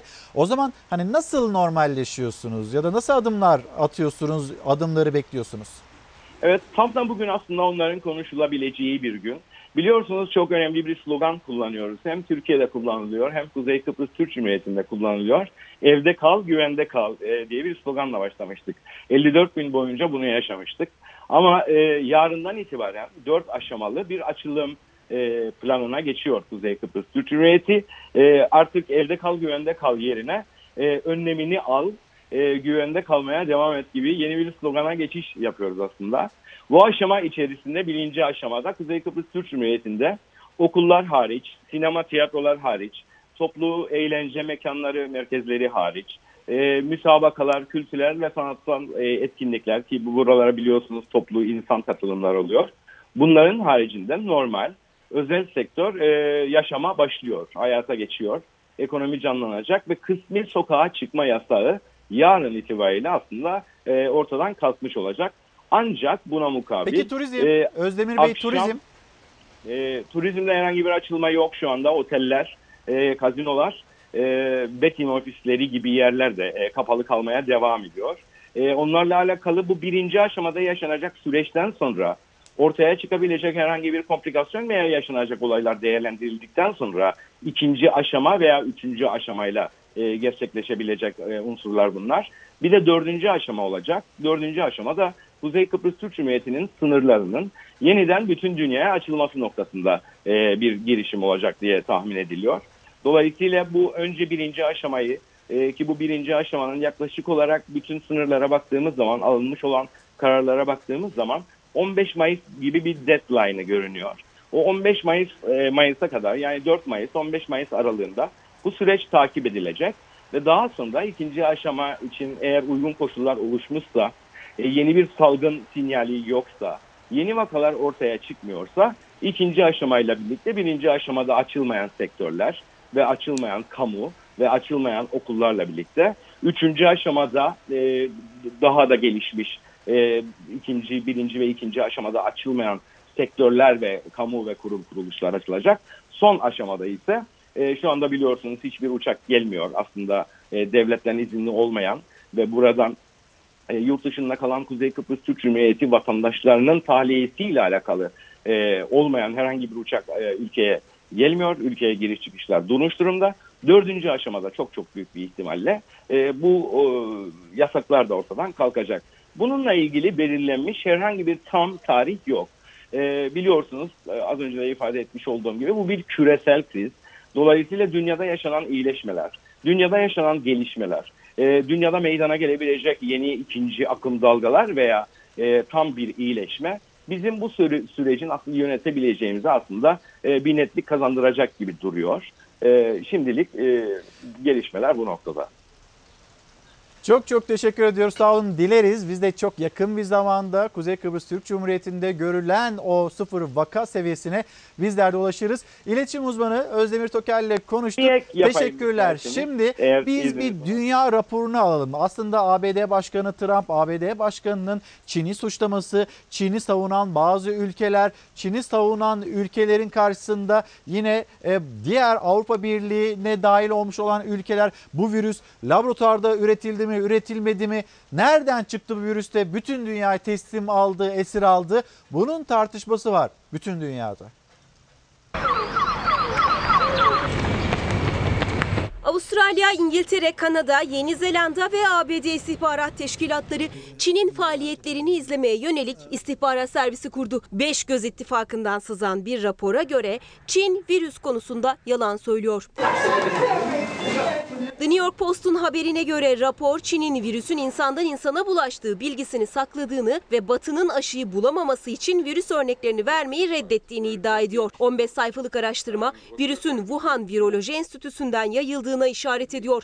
Başlangıçta komplo teorisi olarak reddedilen bu iddia Çinli yetkililerin virüsün canlı hayvan pazarından yayıldığı konusunda yalan söylediğini öne sürüyor. ABD Başkanı Donald Trump virüsün Çin'deki laboratuvarda üretildiğine dair kanıt gördüğünü iddia etmiş. Dünya Sağlık Örgütü itiraz etmişti. Virüsün doğal kökenli olduğuna eminiz açıklaması yapılmıştı. Beyaz Saray sözcüsü Kayleigh McEnany, Trump'ın gördüğünü söylediği kanıtın Amerikan istihbaratının bir varsayımı olduğunu söyledi.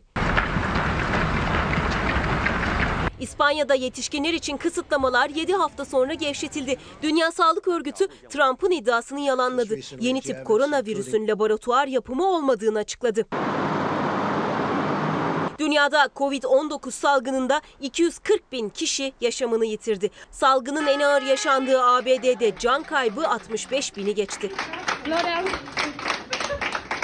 Salgını önlemek için uygulanan kısıtlamalara karşı Chicago'da binlerce kişi protesto gösterisi düzenledi. Sosyal mesafe kurallarını aldırmayan, maske takmayan kalabalık validen evde kal uygulamasını sonlandırmasını istedi. Kaliforniya'da ise halk plajların kapatılmasına karşı çıktı. Can kaybının 25 bini aştığı İspanya'da sokağa çıkma kısıtlaması yetişkinler için de gevşetildi. Sabah 6-10 saatleri arasında yüzlerce kişi bisiklete bindi. Açık havada koşu yaptı. Rusya'da son 24 saatte vaka sayısı 9623 arttı. Yeni vakaların 4500'ünde semptoma rastlanmadı. Moskova'da belediye başkanı virüsün başkent nüfusunun %2'sine bulaştığını ifade etti.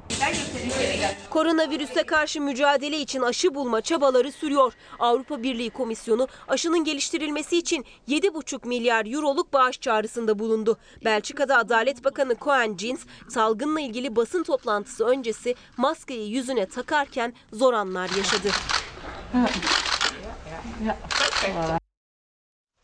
Efendim az önce güzel bir haberi paylaştık sizinle. Şimdi yaşanılan bir sorun, bir problem ve bu problemi dillendirmek için Cumhuriyet Halk Partisi Hatay Milletvekili Serkan Topal yayınımızda. Efendim günaydın.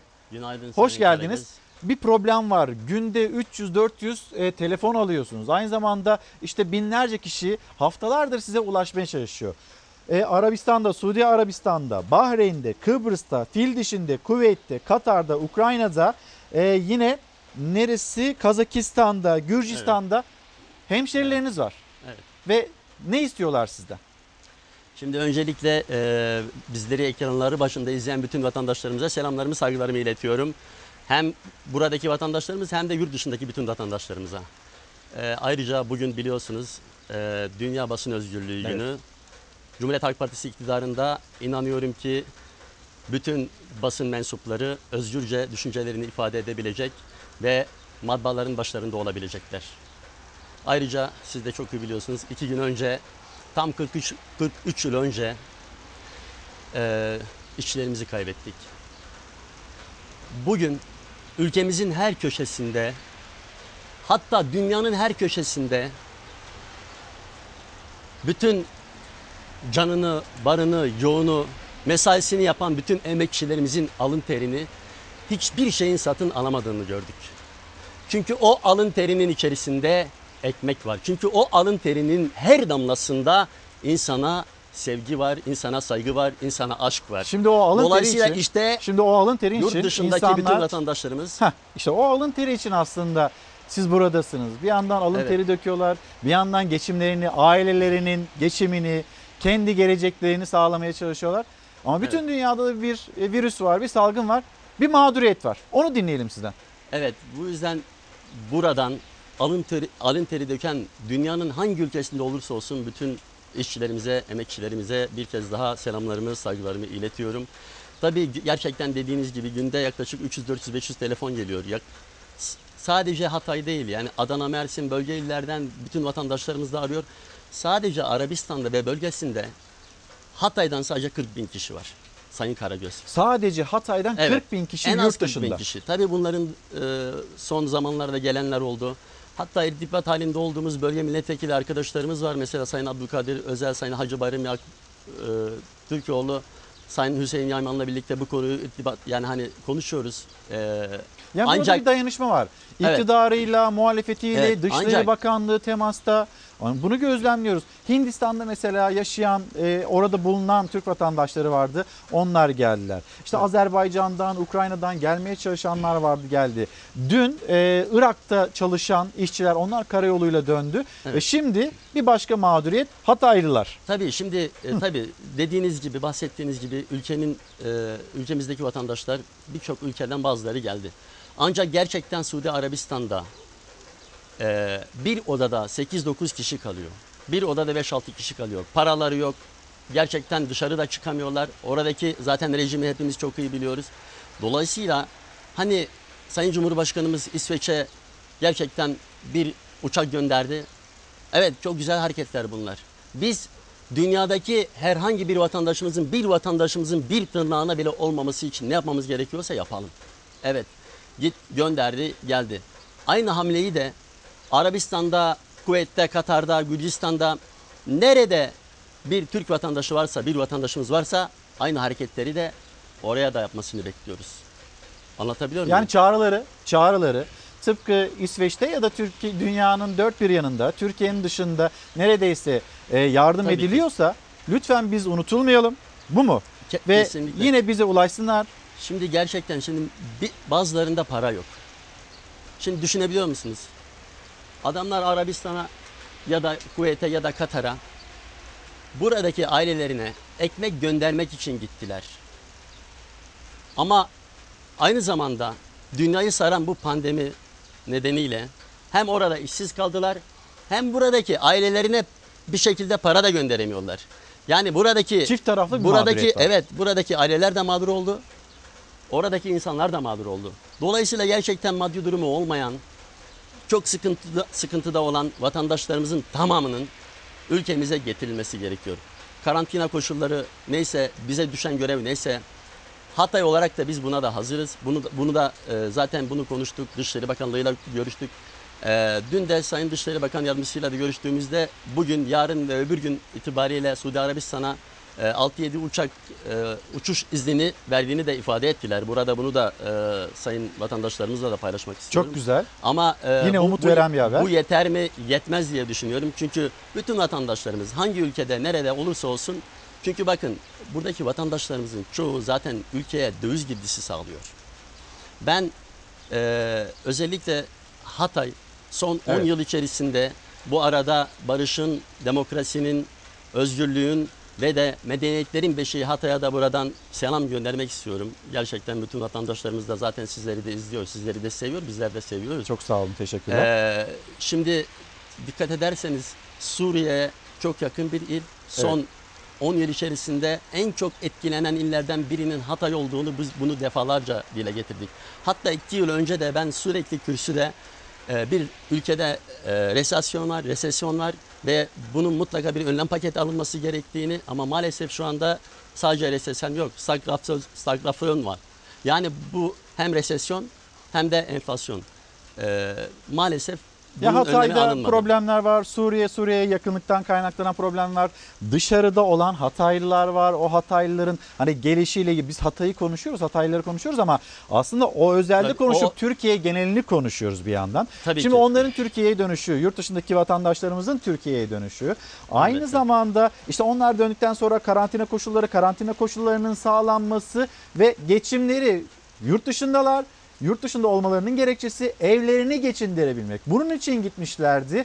E şimdi e, bir taraftan orada kazançları yok. Buraya geldiler. E burada kazançları yok. Böyle bir mağduriyet yaşanıyor. Efendim Evet. teşekkür ediyorum. Son bir cümlenizi alayım. Ee, şöyle yani hatta bu- buraya gelirken gerçekten binlerce telefon aldım. Yani hani esnafı, berberi, güzellik salonları, kahvehaneler, lokantalar, ayakkabı tamircileri, fotoğrafçılar, düğün salonları, organizasyon, kahve ocakları, spor salonları, eğlence yerleri, turistik eşya satan esnaflar, toplu taşıma esnafı, günübirlik çalışan emekçiler, e, gerçekten ve özellikle çiftçilerimiz Evet. kesinlikle desteklenmesi gerekiyor. Özellikle bu süreçte mutlaka desteklenmesi gerekiyor. Mesela 2019 yıla ait e, pamuk destekleme hala verilmedi. Çiftçilerimiz mutlaka desteklenmeli ve bu yıl ve bu yıl mutlaka mazot ve gübre onlara ücretsiz verilmeli. Mesela buradaki esnaflarımız, kapanan esnaflarımız Bugün 6 ay sonra 3 esnafı ay sonra. Hem çiftçiyi konuşacağız. Son olarak- Onlarla ilgili haberlerimiz var. Buyurun. Son olarak yani hani 6 ay sonra bunlar ne yapacak? Diyelim ki açtılar. Açtıktan sonra e, kredilerini nasıl ödeyeceklerini nasıl ödeyecek? Tabii siz konuşacaksınız. Ben e, sizlere çok teşekkür Biz ediyorum. teşekkür ederiz. Bir Sağ kez olun. daha buradan sayın yetkililere, sayın Cumhurbaşkanımıza gerçekten bütün mağduriyetlerin giderilmesi noktasında çağrıda bulunuyorum. Sizlere de teşekkür ediyorum. Çok çok İyi sağ olun. diliyorum. Cumhuriyet Halk Partisi. Hatay Milletvekili. Serkan Topal'la konuştuk yaşanılan mağduriyeti. Şimdi devam edelim. Türkiye'nin önemli sıcak konularından, başlıklarından bir tanesi bu maske meselesi. Şimdi Amerika Birleşik Devletleri buyurun bir saniye bekletin. Bu arada yine hani bu bölgeyi ilgilendiren bir haber olduğu için Hatay'ı da ilgilendiriyor, sınır bölgesini de ilgilendiriyor. Suriye toprakları içinde işte terör örgütlerine maske yardımı yapan bir müttefik Amerika Birleşik Devletleri. Amerika Birleşik Devletleri bir yandan da e, kendisinin sağlık malzemesine ihtiyacı olduğunu söylüyordu.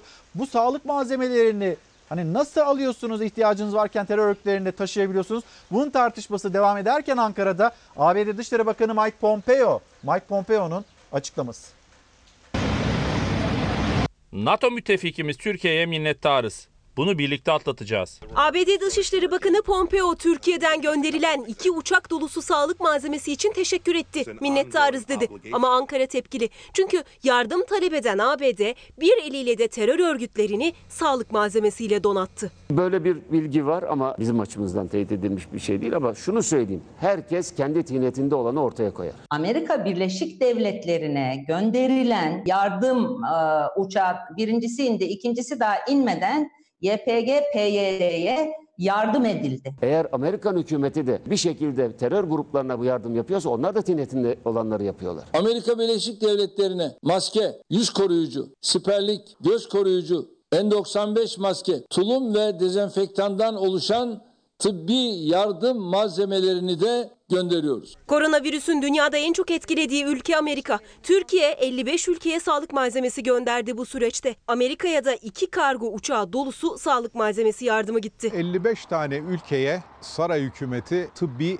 araç gereç yardımı yapmış. Bunun içinde maske de var. Şu anda benim ülkemde maske takmak zorunlu olmasına rağmen yurttaşlarımın büyük bir kısmına 5 tane maskeyi dahi veremedim. Amerika Birleşik Devletleri bizim burnumuzun dibindeki terör örgütüne bilmem kaç bin tır e, silah gönderebiliyor. Harlem'in arka sokağındaki e, hastaneye iki tane maske gönderemiyor. Muhalefet içeride maske bulamıyoruz diyerek Amerika'ya yardım malzemesi gönderilmesini eleştirirken AK Parti Genel Başkan Vekili Numan Kurtulmuş da Washington yönetimini hedef aldı. PKK'ya tırlarla silah gönderiyorlar ama kendi vatandaşına maske vermiyor dedi. Bu cümlesinden sonra Amerika'nın PYD'ye tırlar dolusu sağlık malzemesi göndermesi soruldu. Böyle bir bilgi var ama bizim açımızdan teyit edilmiş bir şey değil. Bunu hiçbir şekilde tasvip edebilmek mümkün değil. Ülkemiz için tehdit olabilecek bir e, terör örgütüne kim destek oluyorsa, kim yardım ediyorsa buna şiddetle karşı çıkarız. Böyle bir şey varsa bundan da fevkalade rahatsız olduğumuzu her e, şekilde e, ifade ediyoruz. Ankara'nın rahatsızlığına ABD'den yanıt Dışişleri Bakanı Pompeo aracılığıyla geldi. Türkiye'nin sağlık malzemesi desteğinin kime, nereye gittiğini açıkladı. Türkiye'nin desteği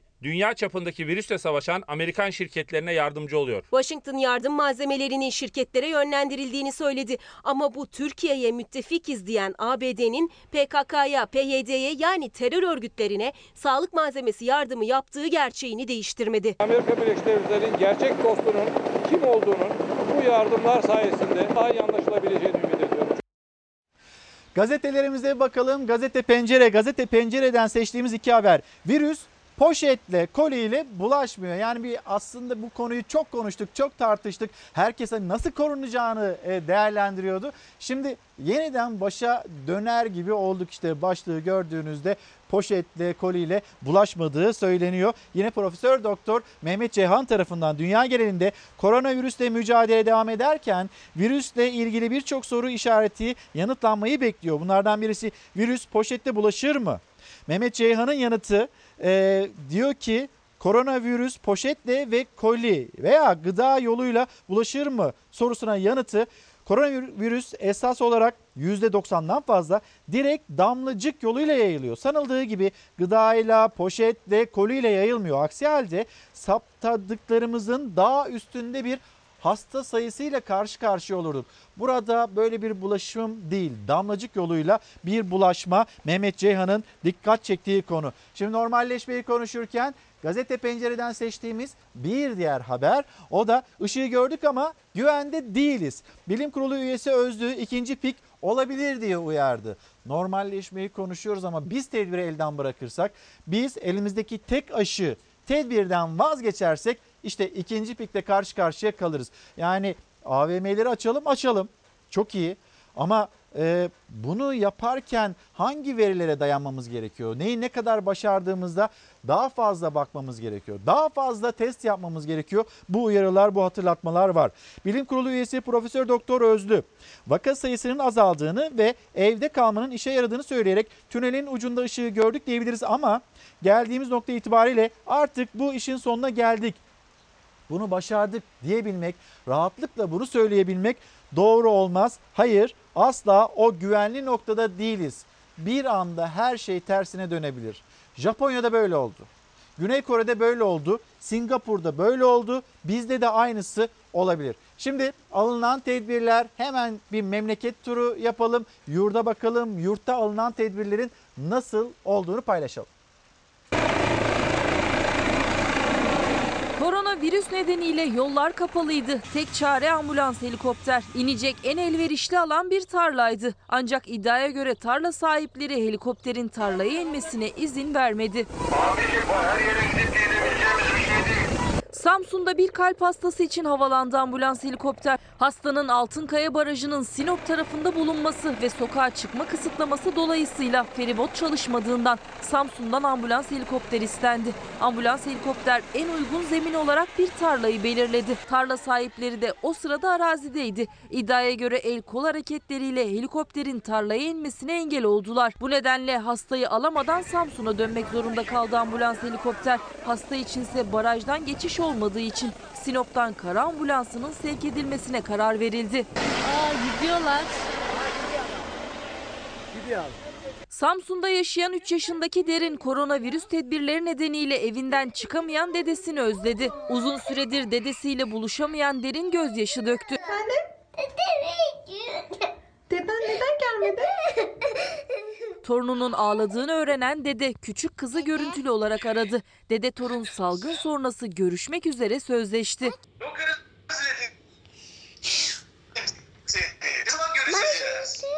Çok bitince. Yurdun birçok yerinde hayırseverler ekonomik durumu kötü olan vatandaşların yardımına koştu. Bakkallardaki veresiye defterleri bir bir kapatıldı. Senin şu kadar borcum ödendi değil mi? Bu? Ödendi. He, Ha, ödendi, doğru verdim. ödendi. O insanlar da kesinlikle bana talimat verirler ismimizi açıklamayın diye. Sivas'ta bir grup hayırsever 700 kişinin 120 bin liralık bakkal borcunu ödedi. 60 yıldır ben böyle olay görmedim. Böyle iş hiç görmedim. Ömrü hayatımda gelenlere hep söylüyoruz.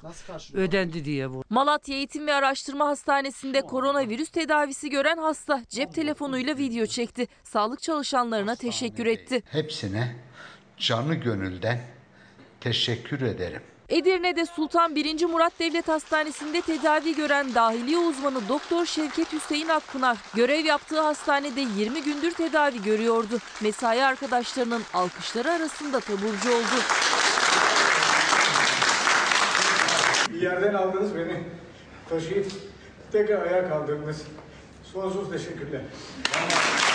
Bolu'da bir anne evde kal çağrısına uyan kızı için sürpriz doğum günü yaptı. Yunus Timi elinde pasta Sumru Özden'in yeni yaşını kutladı.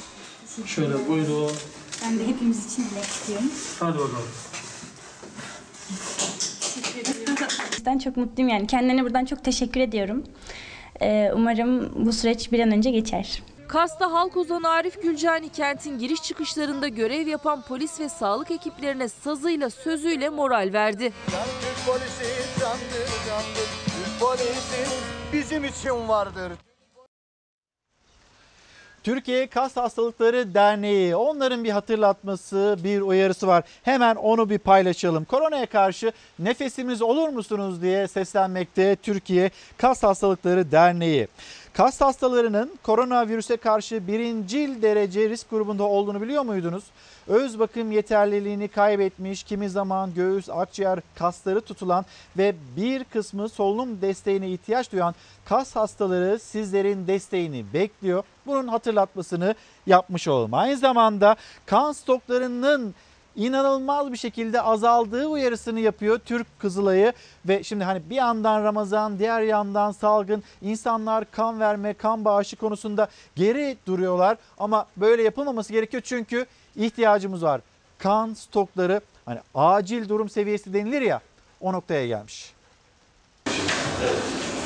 Bu zor günlerde hani hastanede yatan o kadar e, kana ihtiyacı olan insan var ki Ramazan ayında kan bağışının az olduğunu duyduğum için kan bağışlamaya geldim. Koronavirüs salgını nedeniyle bağışçılar kan merkezlerine gitmekten çekindi. Araya Ramazan ayı da girince kan stokları beklenenden hızlı tükendi. Türk Kızılay acil kan ihtiyacı çağrısında bulundu. Telefonunuza gelen mesajı güvenlik kuvvetlerine gösterdiğiniz takdirde sokağa çıkma kısıtlamasından muaf olursunuz. Serbest bir şekilde kan bağış merkezimize gelip hayat kurtarabilirsiniz. Kan ihtiyacının tamamına yakınını karşılayan Türk Kızılay, kan stokları kritik seviyenin altına düşünce harekete geçti. Türk Kızılay 300 noktada kan alma merkezleri kurdu. Duyarı vatandaşlarımızdan kan bağışı için beklemekteyiz. Çok yararlı bir şey. Herkes bence vermeli. Kan da yok, stoklar da azalmış. Koronavirüsü nedeniyle insanlar kan vermeye de çekiniyor ama görüyorsunuz yani çekinecek bir durum yok. Türk Kızılay'ın akıllı telefon uygulamasını indirenler randevu aldı. Cep telefonlarına gelen mesajı polise gösteren bağışçılar sokağa çıkma kısıtlamasına rağmen herhangi bir sorunla karşılaşmadan kan merkezlerine ulaşabildi. Sokağa çıkma yasağı olduğu halde yani geldik. Şimdi sonuçta bu can, bekleyemez bu. Yarın öbür gün onların da başına gelebilir. düzenli olarak vermekte fayda var. Çünkü hani bir kan bir hayat kurtarır belki de. Soma'dan Konya'ya, İzmir'den İstanbul'a birçok ilde kan veren bağışçılar herkesi duyarlı olmaya çağırdı. Türk Kızılay'ın çağrısı yanıt bulmasına rağmen bağışlar henüz istenen noktaya ulaşmadı. Bu zor günde yardımlaşmamız gerekiyor. Herkesi kan vermeye, hayat kurtarmaya davet ediyorum. Efendim şimdi sağlığımızı ilgilendiren bir haberle daha devam etmek istiyoruz sizlerle. Kanser hücrelerinin nasıl beslendiğine dair son araştırmada önemli sonuçlar elde edildi. Son yapılan çalışmalar e, tümör hücresinin nasıl beslendiği ile ilgili bize büyük bilgiler verdi. Tümörün metabolik esnekliği, fleksibilitesi olarak adlandırılıyor. Şeker, protein ve e, yağın hepsini kullanabilmektedir. Kanser hücrelerine ilişkin son çalışma doğru bilinen bir yanlışı ortaya çıkardı. Tümör hücresinin beslenmesinde şekerin rol oynadığı düşünülüyordu. Aslında yağ ve proteinin çok farklı olmadığı ileri sürüldü. Şehir efsanesi olmuş şekerin tüketimi ile ilgili. Şekerin tüketimini kesmeniz protein ve yağdan kullanımını tümör hücresi için hiçbir şekilde engellemediği gösterildi. İnsülinin büyüttüğü konusunda bir düşünceler vardı. Aksine tümör hücresinin insülin kullanmadan şekeri hücre içerisine aldığını ama hücre büyümesini şeker, yağ ve proteinin eşit oranda etkilediği bu çalışmalarda ispatlanmış oldu. Kanser üzerine yapılan son çalışmayı inceledi onkoloji uzmanı Profesör Doktor Sezer Sağlam. Şeker, yağ ve proteini aç bırakarak kanser hücrelerinin büyümesinin engellenemediğini söyledi. Araştırmaya göre hücrelerin metabolik esnekliği olduğu için hasta yağ kesse proteinle, proteini kesse yağ ile büyümeye devam ediyor. Şekeri kestiğiniz zaman hücre düzeyinde yağı arttırabilmektedir kullanımını.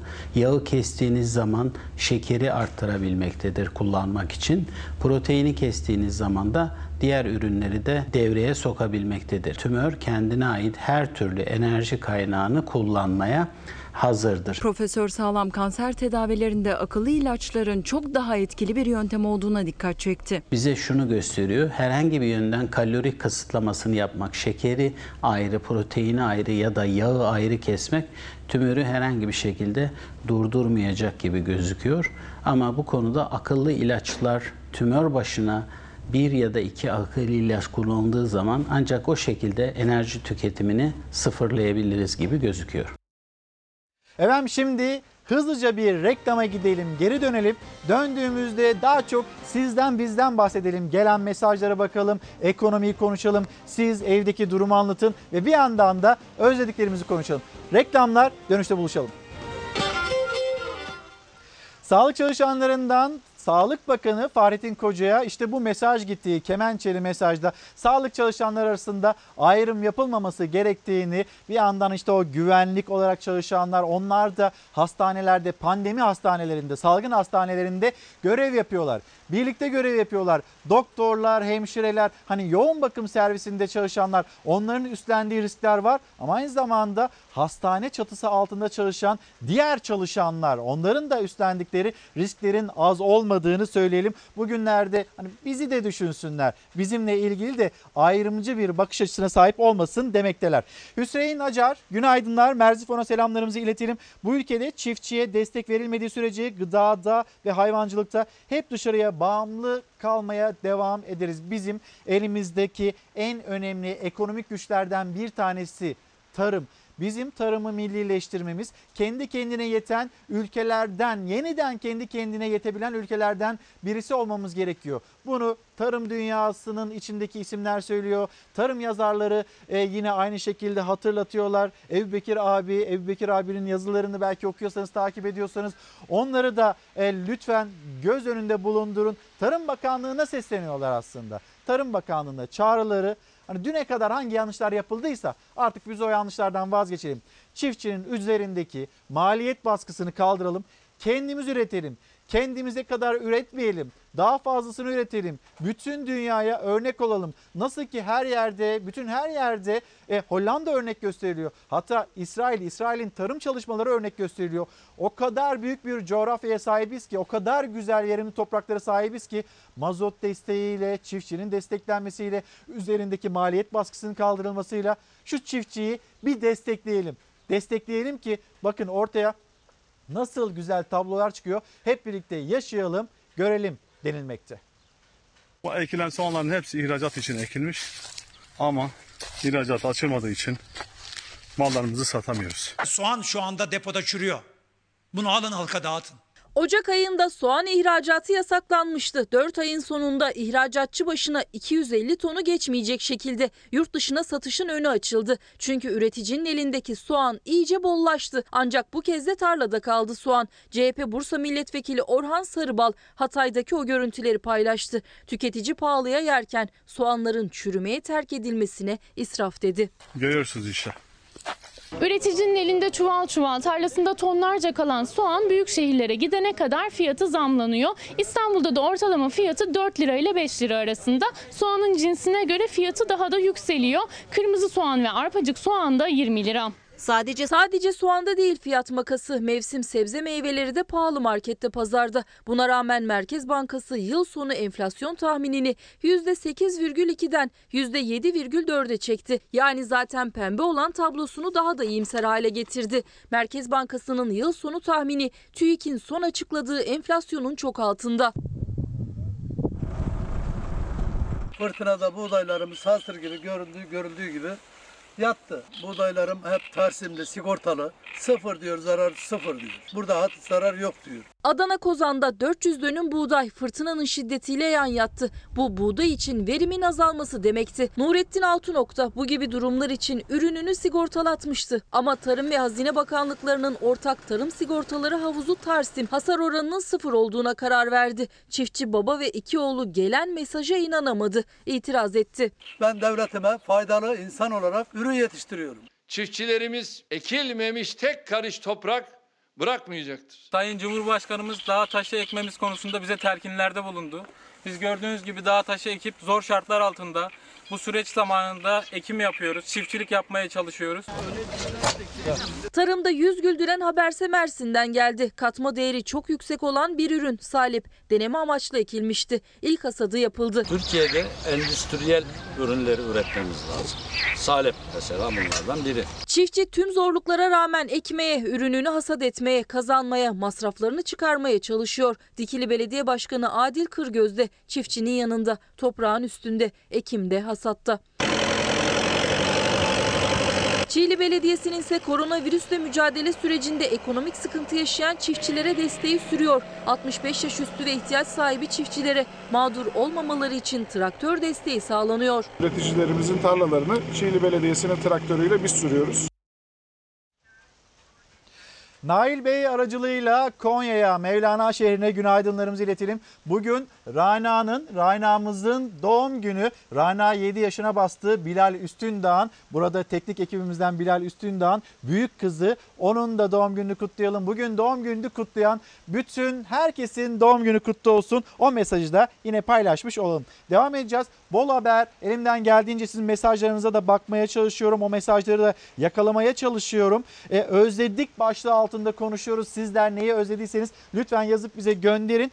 AVM'ler, AVM'ler meselesine bir geri dönüş yapalım. İşte Karar Gazetesi nereden çıktı bu AVM'ler? AVM'lerin açılmasıyla mı başlayacak normalleşme? Böyle bir tartışmayı öne koydu. 11 Mayıs gibi bir tarihten söz ediliyor. 11 Mayıs tarihi hangi rakamlara, verilere bakılarak e, ortaya çıktı? Normalleşme başlayacaksa buradan mı başlayacak? Neden böyle bir adım atılıyor? Bunun tartışması var. Şimdi haberi izleyelim. Sizin de görüşlerinizi merak ediyorum. 11 Mayıs'tan itibaren bilim kurulumuz onay verirse ve parakendeciden de en az AVM bazında %50'nin üzerinde talep gelirse biz kademeli olarak alışveriş merkezlerini açabileceğimizi söylüyoruz. Ee, Ancak tam olarak açılışımızı Ramazan bayramından sonra 1 Haziran'dan itibaren olacağını düşünüyoruz. Sinemalar dolarsa, e, işte alışveriş merkezlerinde işte food courtlar e, do- dolarsa o zaman e, bu virüs yayılır. Alışveriş merkezleri hazırız diyor ama bilim kurulu üyeleri her fırsatta AVM'lerin virüsün yayılmasına en verişli ortamlar olduğunun altını çiziyor. O yüzden öncelikle test açılışı planlanıyor. Yani satış olmayacak ama olası bir açılışın simülasyonu yapılacak. Uzun bir süre uygulanılacak kurallar şimdiden belirlenmeye başlandı. Girişlerde maske dağıtılması, içerideki dezenfektasyon ve belli metrekarelere belli e, misafir kabul edilmesi gibi e, sıkı tedbirler alacak. Kişisel e, izolasyonumuza tabii çok dikkat etmemiz lazım. Yani AVM'ler açıldı, hepimiz AVM'lere gidelim, sinemalara girelim gibi bir şey söz konusu değil tabii. Koronavirüs vakası Türkiye'de görüldükten hemen sonra yani 12 Mart itibariyle önce içindeki mağazalar kapanmaya başladı. Ardından AVM'ler kapandı. Normalleşmenin ilk adımları atılırken alışveriş merkezlerinin de açılması gündemde. Yaklaşık 2 aydır kapalı olan AVM'lerin 11 Mayıs'tan itibaren kademeli olarak açılması planlanıyor. İstanbul'daki iki alışveriş merkezi ise şimdiden 1 Haziran'a randevu verdi bile. Açılacaklarını duyurdu. AVM'lerin en kalabalık olduğu günler hafta sonları eğer bugün kapalı olmasaydı bu AVM'de tıklım tıklım olacaktı. İşte açıldıktan sonra yeniden o kalabalık manzaralar yaşanmasın diye birçok önlem alınması planlanıyor. AVM'ler açılsa bile sosyal mesafeyi koruyacak tedbirlerin, maske takmanın, yani yine hijyen tedbirlerinin mutlaka devam ettirilmesi gerekiyor. İşte tedbirlerin nasıl uygulanacağına yönelik önümüzdeki haftadan itibaren test açılışları yapacak alışveriş merkezleri. Yeni kuralları nasıl devreye sokacaklarını deneyecekler. AVM'ler açıldığında alınacak ilk önlemlerden biri ateş ölçümü olacak. Kapılara konulacak termal kameralarla içeriye girenlerin ısısı ölçülecek. İçeriye giren sayısı da eskisi kadar fazla olamayacak. Yine içeride kameralarla fiziki mesafe kontrolü de yapılacak. Bin kişilik bir alışveriş merkezine yalnızca 100 kişi karşı girebilecek gruplar halinde belirli saatlerde içeri alınacak müşteriler. Yürüyen merdivenler sürekli temizlenecek, havalandırmalara özel cihazlar takılacak, sinema ve yemek yerlerinin açılmasına ise İçişleri Bakanlığı karar verecek. Kapanma kararımızı verirken yalnız parakendecilerin bizden önce kapatması nedeniyle aslında biz fiili olarak kapandık. Ama bu kapanma kararımızın da ne kadar isabetli olduğu halk sağlığı açısından ortaya çıkmış durumdadır. Alışveriş merkezindeki mağazalar içinse eskiye dönmek zor. Kapalı olsalar da kira ödemeye devam ediyorlar. O yüzden markalarla AVM'ler orta yol arayışında. Birleşmiş Markalar Derneği Başkanı Sinan Öncel de kira önerisinde bulundu. Özellikle ilk açıldığımızdan itibaren 3 ay kiranın e, alınmaması çünkü çok düşük bir talep bekliyoruz. %25 gibi bir talep bekliyoruz. Ve akabinde de ciro kirasıyla e, sattığımız kadar kira ödemek Neyi özlediniz diye sormuştuk. Mesela Onur Çökmez ben Gamze'mi özledim diyor. Adana'daymış nişanlısı işte şehirler arası kısıtlama olduğu için Adana'ya gidemiyor ve işte nişanlılar kavuşamıyor. Ben Gamze'mi özledim. Gelen mesaj bu. Mustafa Bey, Mustafa Bey'in değerlendirmesi ya da mesajı özel araçla seyahat yasağı bayramda kalkar mı? Kalksın büyüklerimize gidelim istiyoruz demekte. Galiba böyle bir adım atılmayacak. Bu sene büyüklerimizin yanına gidemeyeceğiz bu Ramazan bayramında. Kurban bayramında ve buluşma gerçekleşecek ama bu bayram sıkı tedbirler alınacak. Öyle gözüküyor Mustafa Bey. Posta gazetesi bir manşetine bakalım. Ya biz bunları niye yaşıyoruz? İnsanlık bunları niye yaşıyor? Bu virüs, bu salgın nereden çıktı? Bir açıklama, bir değerlendirme var aslında Posta gazetesinin manşetinde. İşte eseriniz. Bilim insanlarına göre koronavirüs gibi salgın hastalıklar daha da artacak. Bunun tek suçlusuysa insanlar. İşte kış turizminin önemli merkezi Kartepe, piknikçilerin geride bıraktığı çöp yığınları karların erimesiyle ortaya çıktı. Doğaya ihanetimiz devam ettiği sürece salgın hastalık riski hiç bitmeyecek. Bu hep de böyle devam edecek. Daha önce de salgın hastalıklar gördük. E, 100 yıl önce de bu salgın hastalığı gördük. Şimdi de biz doğayı mahvetmeye devam ettiğimiz sürece bu salgın hastalıklardan bu beladan kurtulamayacağız. Posta gazetesindeki haber. Bozcaada başardı. Hani az önce Kuzey Kıbrıs Türk Cumhuriyeti, Kuzey Kıbrıs Türk Cumhuriyeti'nde sıfır vaka. Bu açıklandı. Güzel bir haber aldık. Benzer bir tabloyu Çanakkale Bozcaada'da da görüyoruz. Bozcaada da bunu başardı. Hemen diğer bir haber. Akıl almaz değil, ahlak almaz. Şimdi vatandaşlarımız var. Vatandaşlarımız işte maskeye ulaşmaya çalışıyorlar. Bir düzenleme yapıldı. Dün hatta Karar Gazetesi'nden o almanağı da söyledik. Maske almak, maskeyi parayla almak kesinlikle yasak. Cumhurbaşkanı'nın talimatı. Eczaneler devreye sokuldu. İşte ne kadar başarıldı, kaç kişiye kod gitti. Hala maskesi gelmeyen kişiler var. Bu problemler yaşanıyor. Yerel yönetimler devreye girdi mesela. İzmir Büyükşehir Belediyesi, İzmir Büyükşehir Belediye Başkanı maske matiği devreye soktu. Yaklaşık 2 milyon maskeyi bu yolla dağıtmayı başardı. İzmir'de belki problem bayağı bir aşağı inmiş olsa da Türkiye'nin genelinde bazı noktalarda hala bu problem devam ediyor. Bu devam ederken maske üretimi sıkıntısı da yaşamazken bazı kişiler vicdansız ve ahlaksız kişiler onlar ne yapıyorlar? Bakın izleyin ne yapıyorlar.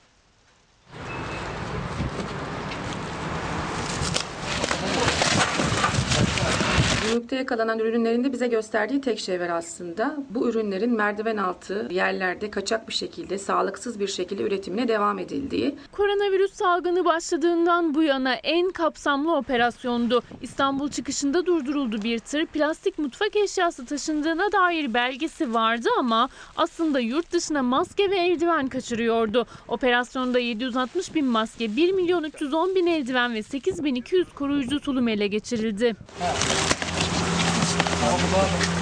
Avrupa'ya doğru yola çıkan sağlık malzemeleri İstanbul Çatalca'daki gümrük sahasında yakalandı. Tır riskli bulunup X-ray cihazına gönderildi. Maske dağıtımına yönelik Türkiye'deki tartışmalar sürerken 760 bin cerrahi maske ele geçirildi. Bu yakalanan ürünlerin nereye gideceğiyle alakalı tespitleri yetkililer mutlaka yapacak. Bizim eczacılar olarak, ilgilendiğimiz kısım halk sağlığı kısmı. Bu tarz ürünler maalesef ki yurt içinde de el altından hala satılıyor. Vatandaşlarımız da maske ulaşamadığı noktada bu ürünlere rağbet gösterebiliyorlar. İstanbul Havalimanı'nın kargo bölümünde de yine Avrupa'ya gönderilmek üzere vakumlu yastık kılıflarına gizlenmiş tek kullanımlık ve filtreli maskeler bulundu. Göndericinin izi sürüldü. Depoya yapılan baskında yaklaşık 500 bin maske daha bulundu. Toplamda piyasa değeri 3,5 milyon lirayı bulan maskelere el konuldu. İki kişi gözaltına alındı. Bunu engellemenin iki yolu var tabii ki. Tabii bu denetlemelerin arttırılması ama aynı zamanda da maskeye e, eczaneler üzerinden de e, satışının e, serbest bırakılarak vatandaşın maskeye erişiminin kolaylaştırılması. İstanbul Eczacı Odası'na göre de yeterince maske var ancak sıkıntı maskelerin dağıtımında. Günlük yaklaşık 8 milyon adet maske üretimi var ve bu tedarik anlamında, temin anlamında ihtiyacı şu an için karşılıyor. Ancak sistem sıkıntımız hala çözülmüş, tam olarak çözülmüş değil. Hala hiç şifre gelmemiş vatandaşlarımız var hakkı olduğu halde. Zaten Sağlık Bakanlığı'nın gönderdiği kod gelmeyenler ya da tek kullanımlık 5 maskesini tüketenler vardı. Bir de çalışanların maskelerini iş yerinden temin edeceği açıklandı. Salgının merkezi İstanbul'da henüz 25 milyon maske dağıtılabildi. Oysa günde 8 milyon maske üretiliyor. Ücretsiz maske dağıtımı yaklaşık 20 gün kadar önce başlatıldı. İlk olarak İstanbul'da başlatıldı Ee, ve şu ana kadar İstanbul'daki 5200'ün üzerindeki eczanemiz 25 milyon adet maske dağıtımı sağlanmış oldu. Eczacılar denetimlerin daha da arttırılmasını, tek bir maskenin bile peşine düşülmesini istiyor. Yeni haftada da maskeye ihtiyaç duyanlarla karşı karşıya kalmamak için tavan fiyatla satışın önünün açılmasını bekliyorlar. Nesrin Hanım günaydınlar memleketimi annemi özledim diyor. Selin Hanım'dan gelen mesaj evimi çok özledim şehirler arası seyahat yasağından dolayı gidemiyorum. İkametgahı başka şehirlerde olan bizlere bir şeyler yapsınlar. Evimize gidebilelim en azından bu başarılabilsin demekte. Herkese soruyoruz sizlere soruyoruz neyi özlediniz diye. Bu başlık altında gelen mesajlardan bir tanesi de şimdi esnafımız esnafımızın yaşadığı problemler bunu konuşacağız az sonra çiçekçi esnafı. Zaten senede iki gün para kazanıyorlar. Sevgililer gününde, anneler gününde. Şimdi onların yaşadığı bir problem var. Az sonra Ankara Çiçekçiler Odası Başkanı'na soracağız çiçekçilerin problemleri nedir? Konuşalım istiyoruz. Kubilay Bey yazmış. Biz işsiz kalan müzisyenler çalışıp evimize ekmek götürebilmeyi özledik. Şimdi hayat normalleşiyor ya da normalleşmesi planlanıyor. Onlarla ilgili nasıl adımlar atılacak? Esnaf, esnafın geçimiyle ilgili borçlandırarak mı adımlar atılacak yoksa onlara açıktan para verilmesi gerekmiyor mu? Hepsini hepsini birlikte konuşalım. Maske meselesine geri dönecek olursak hayatımızın bir parçası haline geldi. Maskeler. Maske ve estetik nasıl yan yana getirilebilir? Bunun haberi. Sanatçı çağına tanıklık etmelidir. Sanatçı yaşadığı toplumda neler yaşanıyorsa acı, tatlı, güzel, çirkin her neyse buna tanıklık edip bunu yansıtmalı. Ve e, ne oluyor? Bir bellek oluşturuyor. Gelecek nesillere kalıyor. Öyle de oldu hastalık riskine karşı gidemediği atölyesini evine taşıyıp herkese hastalığı ve virüsü anımsatan ve kullanımı zorunlu olan cerrahi beyaz maskeleri tuval olarak kullanıp sanat eserine çevirdi. Sanat bir terapidir. Sizin bağışıklığınızı da güçlendirir. Hayata bakış açınızı değiştirir. Ressam Funda Tuncel başlattığı maskeye resim projesi kapsamında açık bir de çağrı yaptı sanatçılara. Sanat eserine dönüştürülen her bir cerrahi maske ile salgın sonrasında bir sergi açmayı planlıyor. Hiç tanımadığım yüzleri çizerken bu desenleri birden ya ben dedim kendi otoportremi yapayım. Kendi maskelerimi ürettim ve bunları boyayayım. Sanatçılara açık bir çağrıda bulunayım. Bir etkinlik başlatayım ve inanılmaz ilgi gördü. Çocuklara da seslendi ressam Tuncel. Kendi ürettikleri maskeleriyle serginin bir parçası olabilecekler. Güneş Hanım diyor ki sevdiklerimize sıkı sıkı sarılmayı özledik. Biz bugünleri neden yaşıyoruz, nasıl yaşıyoruz, nasıl bu noktaya geldik inanabiliyor musunuz? Şu anda siz yaşamış olduğumuz duruma, tabloya inanabiliyor musunuz? 65 yaş üstü büyüklerimiz onlar evlerinde, çocuklar 20 yaş altı evlerinde, sokağa çıkma kısıtlamaları, bir virüs, Herkes evine kapandı. Dünyanın büyük büyük ülkeleri ve o ülkelerdeki ciddi kayıplar, bir virüs salgını onu yenmeye çalışan insanlar, bilim dünyası aşı bulunmaya çalışılıyor. İnanılmaz tarihi günlerden geçiyoruz ve gerçekten akıl sır erdirmek de mümkün değil. Deniz Hanım ben eşimi özlediğim İbrahim Duran Kayseri'de bense Antalya'da kaldım demekte. Özlediklerinizi lütfen yazın bizlere. Sözcü gazetesi Sözcü gazetesine geri dönecek olursak bir haber. Mansur Market'te fiyat, fiyatlar çok güzel.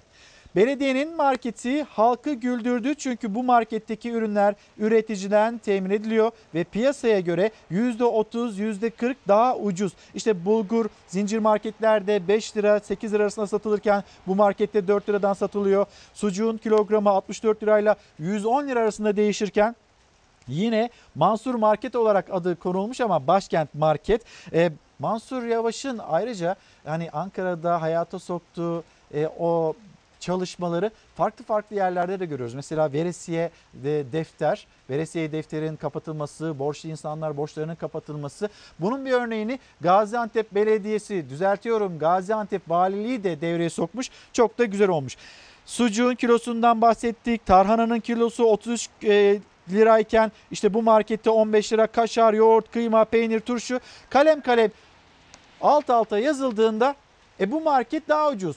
Nasıl oluyor? Nasıl başarılabiliyor? Bu soruyu da soralım. Valla her şeyden aldım. Yani dışarıyla çok fark ediyor.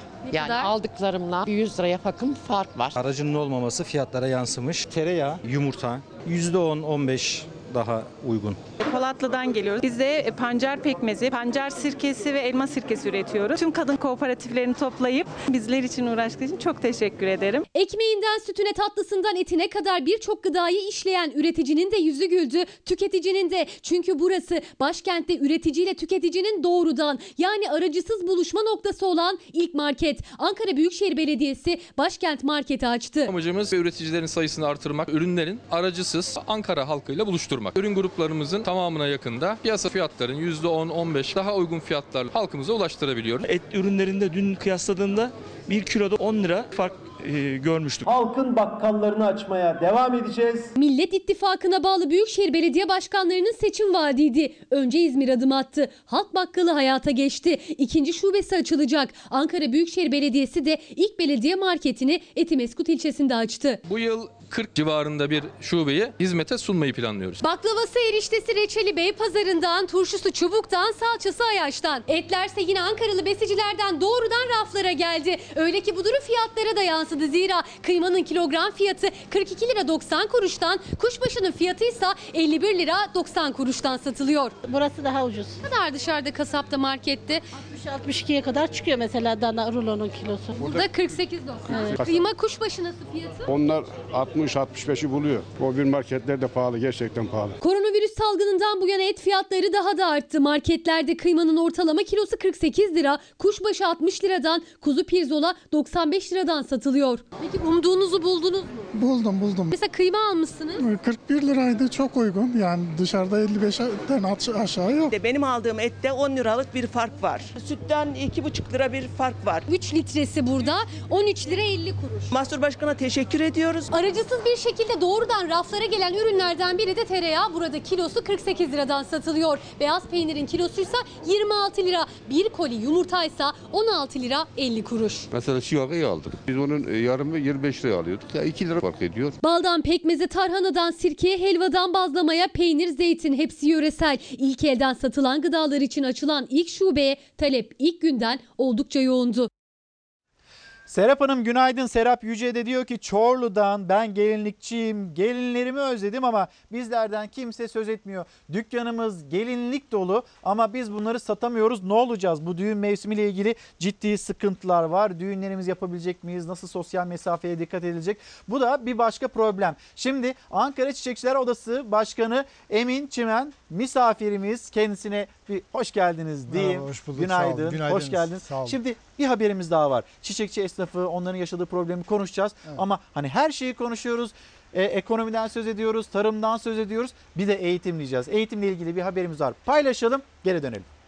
Peki aile. Koronavirüsten en çok etkilenen alan eğitim yeni bir süreçten geçiyor. 200'e yakın ülkede okullar kapalı. Bu zorlu süreç bittiğinde öğrencileri neler bekliyor? Hangi ülke virüse karşı nasıl tedbirler aldı? Türk Eğitim Derneği'nin düşünce kuruluşu TEDMEM araştırdı. Rapora göre bu durumdan etkilenen öğrenci sayısı 1 milyar 724 milyonu aştı. Çin'e komşu olan Moğolistan ülke genelinde tüm okullarını kapatan ilk ülke oldu. Dünya genelinde kapatılan okulların neredeyse tamamında uzaktan eğitim sistemi uygulanıyor. İlk dönemin konularını düzenlemek üzere bir çalışma yaptık. Eğitim süreci aksayınca sınavlar ya iptal edildi ya da ertelendi. ABD'de bazı eyaletler son sınıfların mezun sayılacağını, ara sınıfların da bir üst sınıfa geçmiş kabul edileceğini duyurdu. Türkiye'de bakanlık 8. sınıf öğrencileri için LGS'de, 12. sınıflar için de YKS'de birinci dönemin sonuna kadar işlenen konu ve kazanımlardan sorumlu olacaklarını açıkladı. Bu açıklama önemli bir belirsizliği ortadan kaldırmış oldu. LGS'de çıkacak soruların konu dağılımı nasıldır? Bunların da ilanını yapacağız. TEDMEM'e göre öğrencilerde oluşabilecek travmalara dikkat edilmeli. Öğretmenler yalnız bırakılmamalı ve iş güvencesi sağlanmalı. Eğitim sürecine dönüşle ilgili değerlendirmeler bu şekilde. Çocukları okullara veliler isterse gönderecek, isterse göndermeyecek. Bu kadar önemli hayati bir mesele velilerin tercihine bırakılmalı. Bir kural varsa o kurala herkes uysun. Çocuklar gitmeyebiliyorsa o okullarda açılmasın. Ama sınavlarla ilgili takvim o net olarak gerçekleştirilsin. Ve efendim bir problem. Ee, zaten senede özellikle iki gün çalışıyorsunuz. Evet. Bir anlatır mısınız? Çiçekçi esnafı ne durumda? Ben konuşmalarımı öncelikle dün Bitlis'te şehit düşen Mehmet askerlerimize Allah'tan rahmet diliyorum. Yaralı askerlerimize de şifalar diliyorum. Yakınlarına başsağlığı. Türkiye Başımız Cumhuriyetimizin başı sağ olsun. Ee, problemlerimize gelince bizim problemlerimiz bugün itibariyle değil. Problemlerimiz bizim geçmiş yıllara dayanan gelen bir süreçte devam ediyor. Bu nedir? Mesela bizim daha önceleri e, her yere şey götürüyorduk. Şimdi götüremiyoruz. E, zaten sürecimiz oradan başlıyor. İşte hastanelere çek veremiyoruz. Devamında e, bir Allah'ın rahmetine kavuşmuş olan vatandaşımıza çiçek gönderemiyoruz. Falan vakfa bağış yapılın diye söylentiler oluyor. Bu da tabii düğün salonlarına artık çok kısıtlı çiçek vermeye başladık. Güvenlik açısından çiçek almıyorlar. Ama şunu bilmemiz gerekiyor ki e, bu bir tarım ürünüdür. Bu sektörden 300 bin kişi ekmek yiyor. Ne kadar efendim? 300 bin kişi ekmek 300 bin. Evet, 300 bin kişi ekmek yiyor. Yıllık ihracatımız 125 milyon dolar. Dolayısıyla böyle bir e, tarım ürününe esnafa destek verilmesi gerekiyor. Ee, özel günümüzde de, de konunuzda bahsettiğiniz gibi yılda iki sefer, üç sefer üç özel günümüz vardır. Bunlardan bir tanesi sevgililer günü. Yani camiamıza çiçek cami üreticisinden satıcısına olmak şartıyla bu arkadaşlarımız bugünlerde Ne kadarlık bir ekonomi mesela o iki günde? Sevgililer gününde, anneler gününde. ya bize dükkan bazında söylediğimiz zaman yani bir can suyudur. Bir e, nakit para girişidir. O da Evet. yani bu bir yılı kurtaracağından değildir. İki günü iş yapmamız bir yılı kurtarmaz. Ama en azından bir- çarkları döndüren bir günler. Can suyudur. Yani bir e, moraldir bu esnaf için. Tabii ki geriye dönük e, iş yapmayınca o günlerde de iş yapınca bir moral oluyor esnafa. Şimdi bizim bu iki gün içerisinde de bugün malum virüs Allah inşallah en kısa zamanda bu virüsten bizi kurtaracaktır. Bu hastalıktan bizi kurtaracaktır. O aydınlık günler bizi bekliyor. Biz çok e, baradeleri atlattık. Bunu da atlatacağımızdan bir şüphem yoktur. Allah'ın izniyle de atlatacağız. Şimdi dolayısıyla da biz bugün de e, malum cumartesi pazarın kapandığı. Birinci günü Mayıs'ın ilk haftası bizim çiçekçiler günümüzdür. Bu arada bütün camiamızın da çiçekçiler gününü kutluyorum. Biz de kutluyoruz efendim. İkinci e, haftası pazar gününe de anneler gündür. Avrupa'da ve dünyada böyle kutlanır. Ama bu rahatsızlıktan hastalıktan dolayı da bizim anneler günümüz kapalı olacağından cuma günü itibariyle inşallah annelerimizin moral olması adına sizlerin de desteğiyle biz bir güne değil aslında annelere her gün çiçeğin gitmesi gerekiyor. Ama pazartesinden başlayıp cumaya kadar anneler gününün kutlanmasını ve son gün olarak da anneler gününün asıl Çiçeği pazar- erken mi alsınlar ya annelere? Bir güne endekslememiz lazım. Zaten anne annelere her gün çiçek gitmesi lazım. Anneler çiçeğe bugün herhalde çok morale ihtiyacımız var bugünlerde. Moralin en güzel şey de çiçektir diye düşünüyoruz. Ki biz satıcı olarak söylemiyoruz. Sizlerden, kamuoyundan, üye müşterilerimizden gelen talepler doğrultusunda. Psikolojik olarak da Kes, söylüyorsunuz. kesinlikle. Psikoloji çok rahat. Peki destek efendim? Şimdi desteğimiz biz e, Sayın Cumhurbaşkanımızdan özellikle Sayın Maliye Bakanımızdan önemli rica ediyoruz. Bizde e, KDV hiçbir yerde değildir. Bugün Hollanda'yı ayakta tutan tarım ürünüdür. Hollanda'da KDV çiçekte 6'dır. Bizde KDV 18'dir. Ve biz satmadığımız bir ürünün KDV'si 18 olarak ödüyoruz. Biz Sayın Cumhurbaşkanımızdan önemli rica ediyoruz. Bize destek olunması, bu tarım ürünü artı 300 bin kişi bu sektörden ekmek yiyorsa destek olunması. Bugün e, sağ olsun e, devletimiz, hükümetimiz büyük bir destek vermiştir küçük esnafımıza. Küçük de olsa bir kredi verilmiştir ama bu bir ay, iki, üç ay biz üretimimizi aldığımız zaman satmakla hüküm değiliz. Biz satamadığımız zaman çöpe atmakla hükümlüyüz. O yüzden de en büyük sıkıntıyı ve sorunu bizler yaşadık. Bizler yaşamaktayız. Burada tabii biz hükümetimizden, devletimizden, özellikle de Sayın Cumhurbaşkanımızdan önemli rica ediyoruz. Çiçekçi sektörüne, küçük esnafa destek verilmesini. Peki mesela hani hafta sonları o kısıtlamalar devam edecek. Evet. Önümüzdeki hafta da biz bunu göreceğiz, yaşayacağız. Evet. Ee, ekmek satılan yerler, fırınlar açık oluyor. Evet. O hafta belki böyle bir çağrınız da var mı? Hani çiçekçiler de açık olsun önümüzdeki hafta için. Çünkü can suyu olarak nitelendirdiğiniz günlerden bir tanesi. Biz çiçek sevgi satıyoruz. Aşk satıyoruz. Biz e, gönül alıyoruz. Biz insanın doğuşundan ölümüne kadar çiçekle yolcu ediyoruz. Şimdi önce sağlık diyoruz. Kimse e, nasıl bütün halkımız sıkıntıdaysa bizler de o sıkıntıya tabii ki Evet. açmışız kucağımızı. Diyoruz ki Allah'tan gelen diyoruz. E, hükümetimiz, devletimiz bize destek vereceğinden bir şüphemiz yoktur. Ama biz bunu yaparken de eğer ki Sayın Cumhurbaşkanımızın cumartesi pazar kapalı olacak ise biz bunu cumadan kutlanmasına, desteğinin verilmesini sizler kanalınızla, e, diğer basın organları tarafından, Sayın Hükümetimiz tarafından, Sayın Bakanımız tarafından Cuma gününden bir can suyu olması için taleplerimiz var. Özellikle de çok vurguluyorum Sayın Cumhurbaşkanım. Çiçekte KDV'yi 5 ya da 8 talebimiz var. Bize destek olun diye rica yani ediyoruz. çiçek bir lüks tüketim olarak gözüküyor. O şekilde Ya şimdi satmadığınız bir şeyi eğer bir e, şeyiniz yoksa, e, satamıyorsanız bunun KDV'sinin 18 olmasının ne anlamı var? Ben bunun e, eğer 6'ya ya da 8'e ya da 5'e inmesinde insanlar teşvik edileceğini, çiçek tüketiminin biraz daha fazla olacak, üreticiyi de üretmeye teşvik edeceğimizi düşünüyorum. Ben çok teşekkür ederim. Ben teşekkür ederim. Ankara Çiçekçiler Odası Başkanı Emin Çimen'le konuştuk.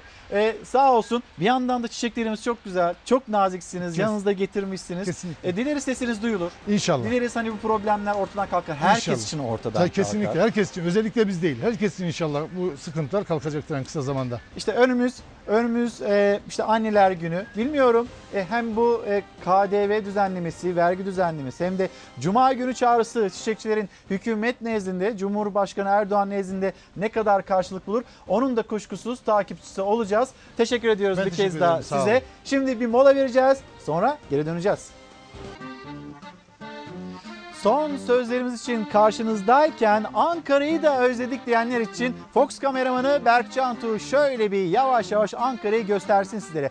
Ben kameranın önünden çekileyim. Şöyle bir Kızılay Meydanı'nı, e, aynı zamanda bakanlıklar bölgesini, Atatürk Bulvarı'nı, Ankara'nın sokağa çıkma kısıtlaması nedeniyle ne kadar sakin olduğunu ve elbette Ulu Önder Mustafa Kemal Atatürk Ebedi İstirahatgahı Anıtkabir'i şöyle bir gösterelim Ankara'yı özledik diyenlere ve kapatırken de her zamanki gibi biliyorsunuz zaten teşekkürümüz sizlere. Sizlere teşekkür etmeden tabii ki programımızı kapatmayacağız. Bizi izlediğiniz için teşekkür ederiz. Hoşçakalın. Güzel bir pazar günü olsun. Evde kalın, sağlıkla kalın. Hoşçakalın.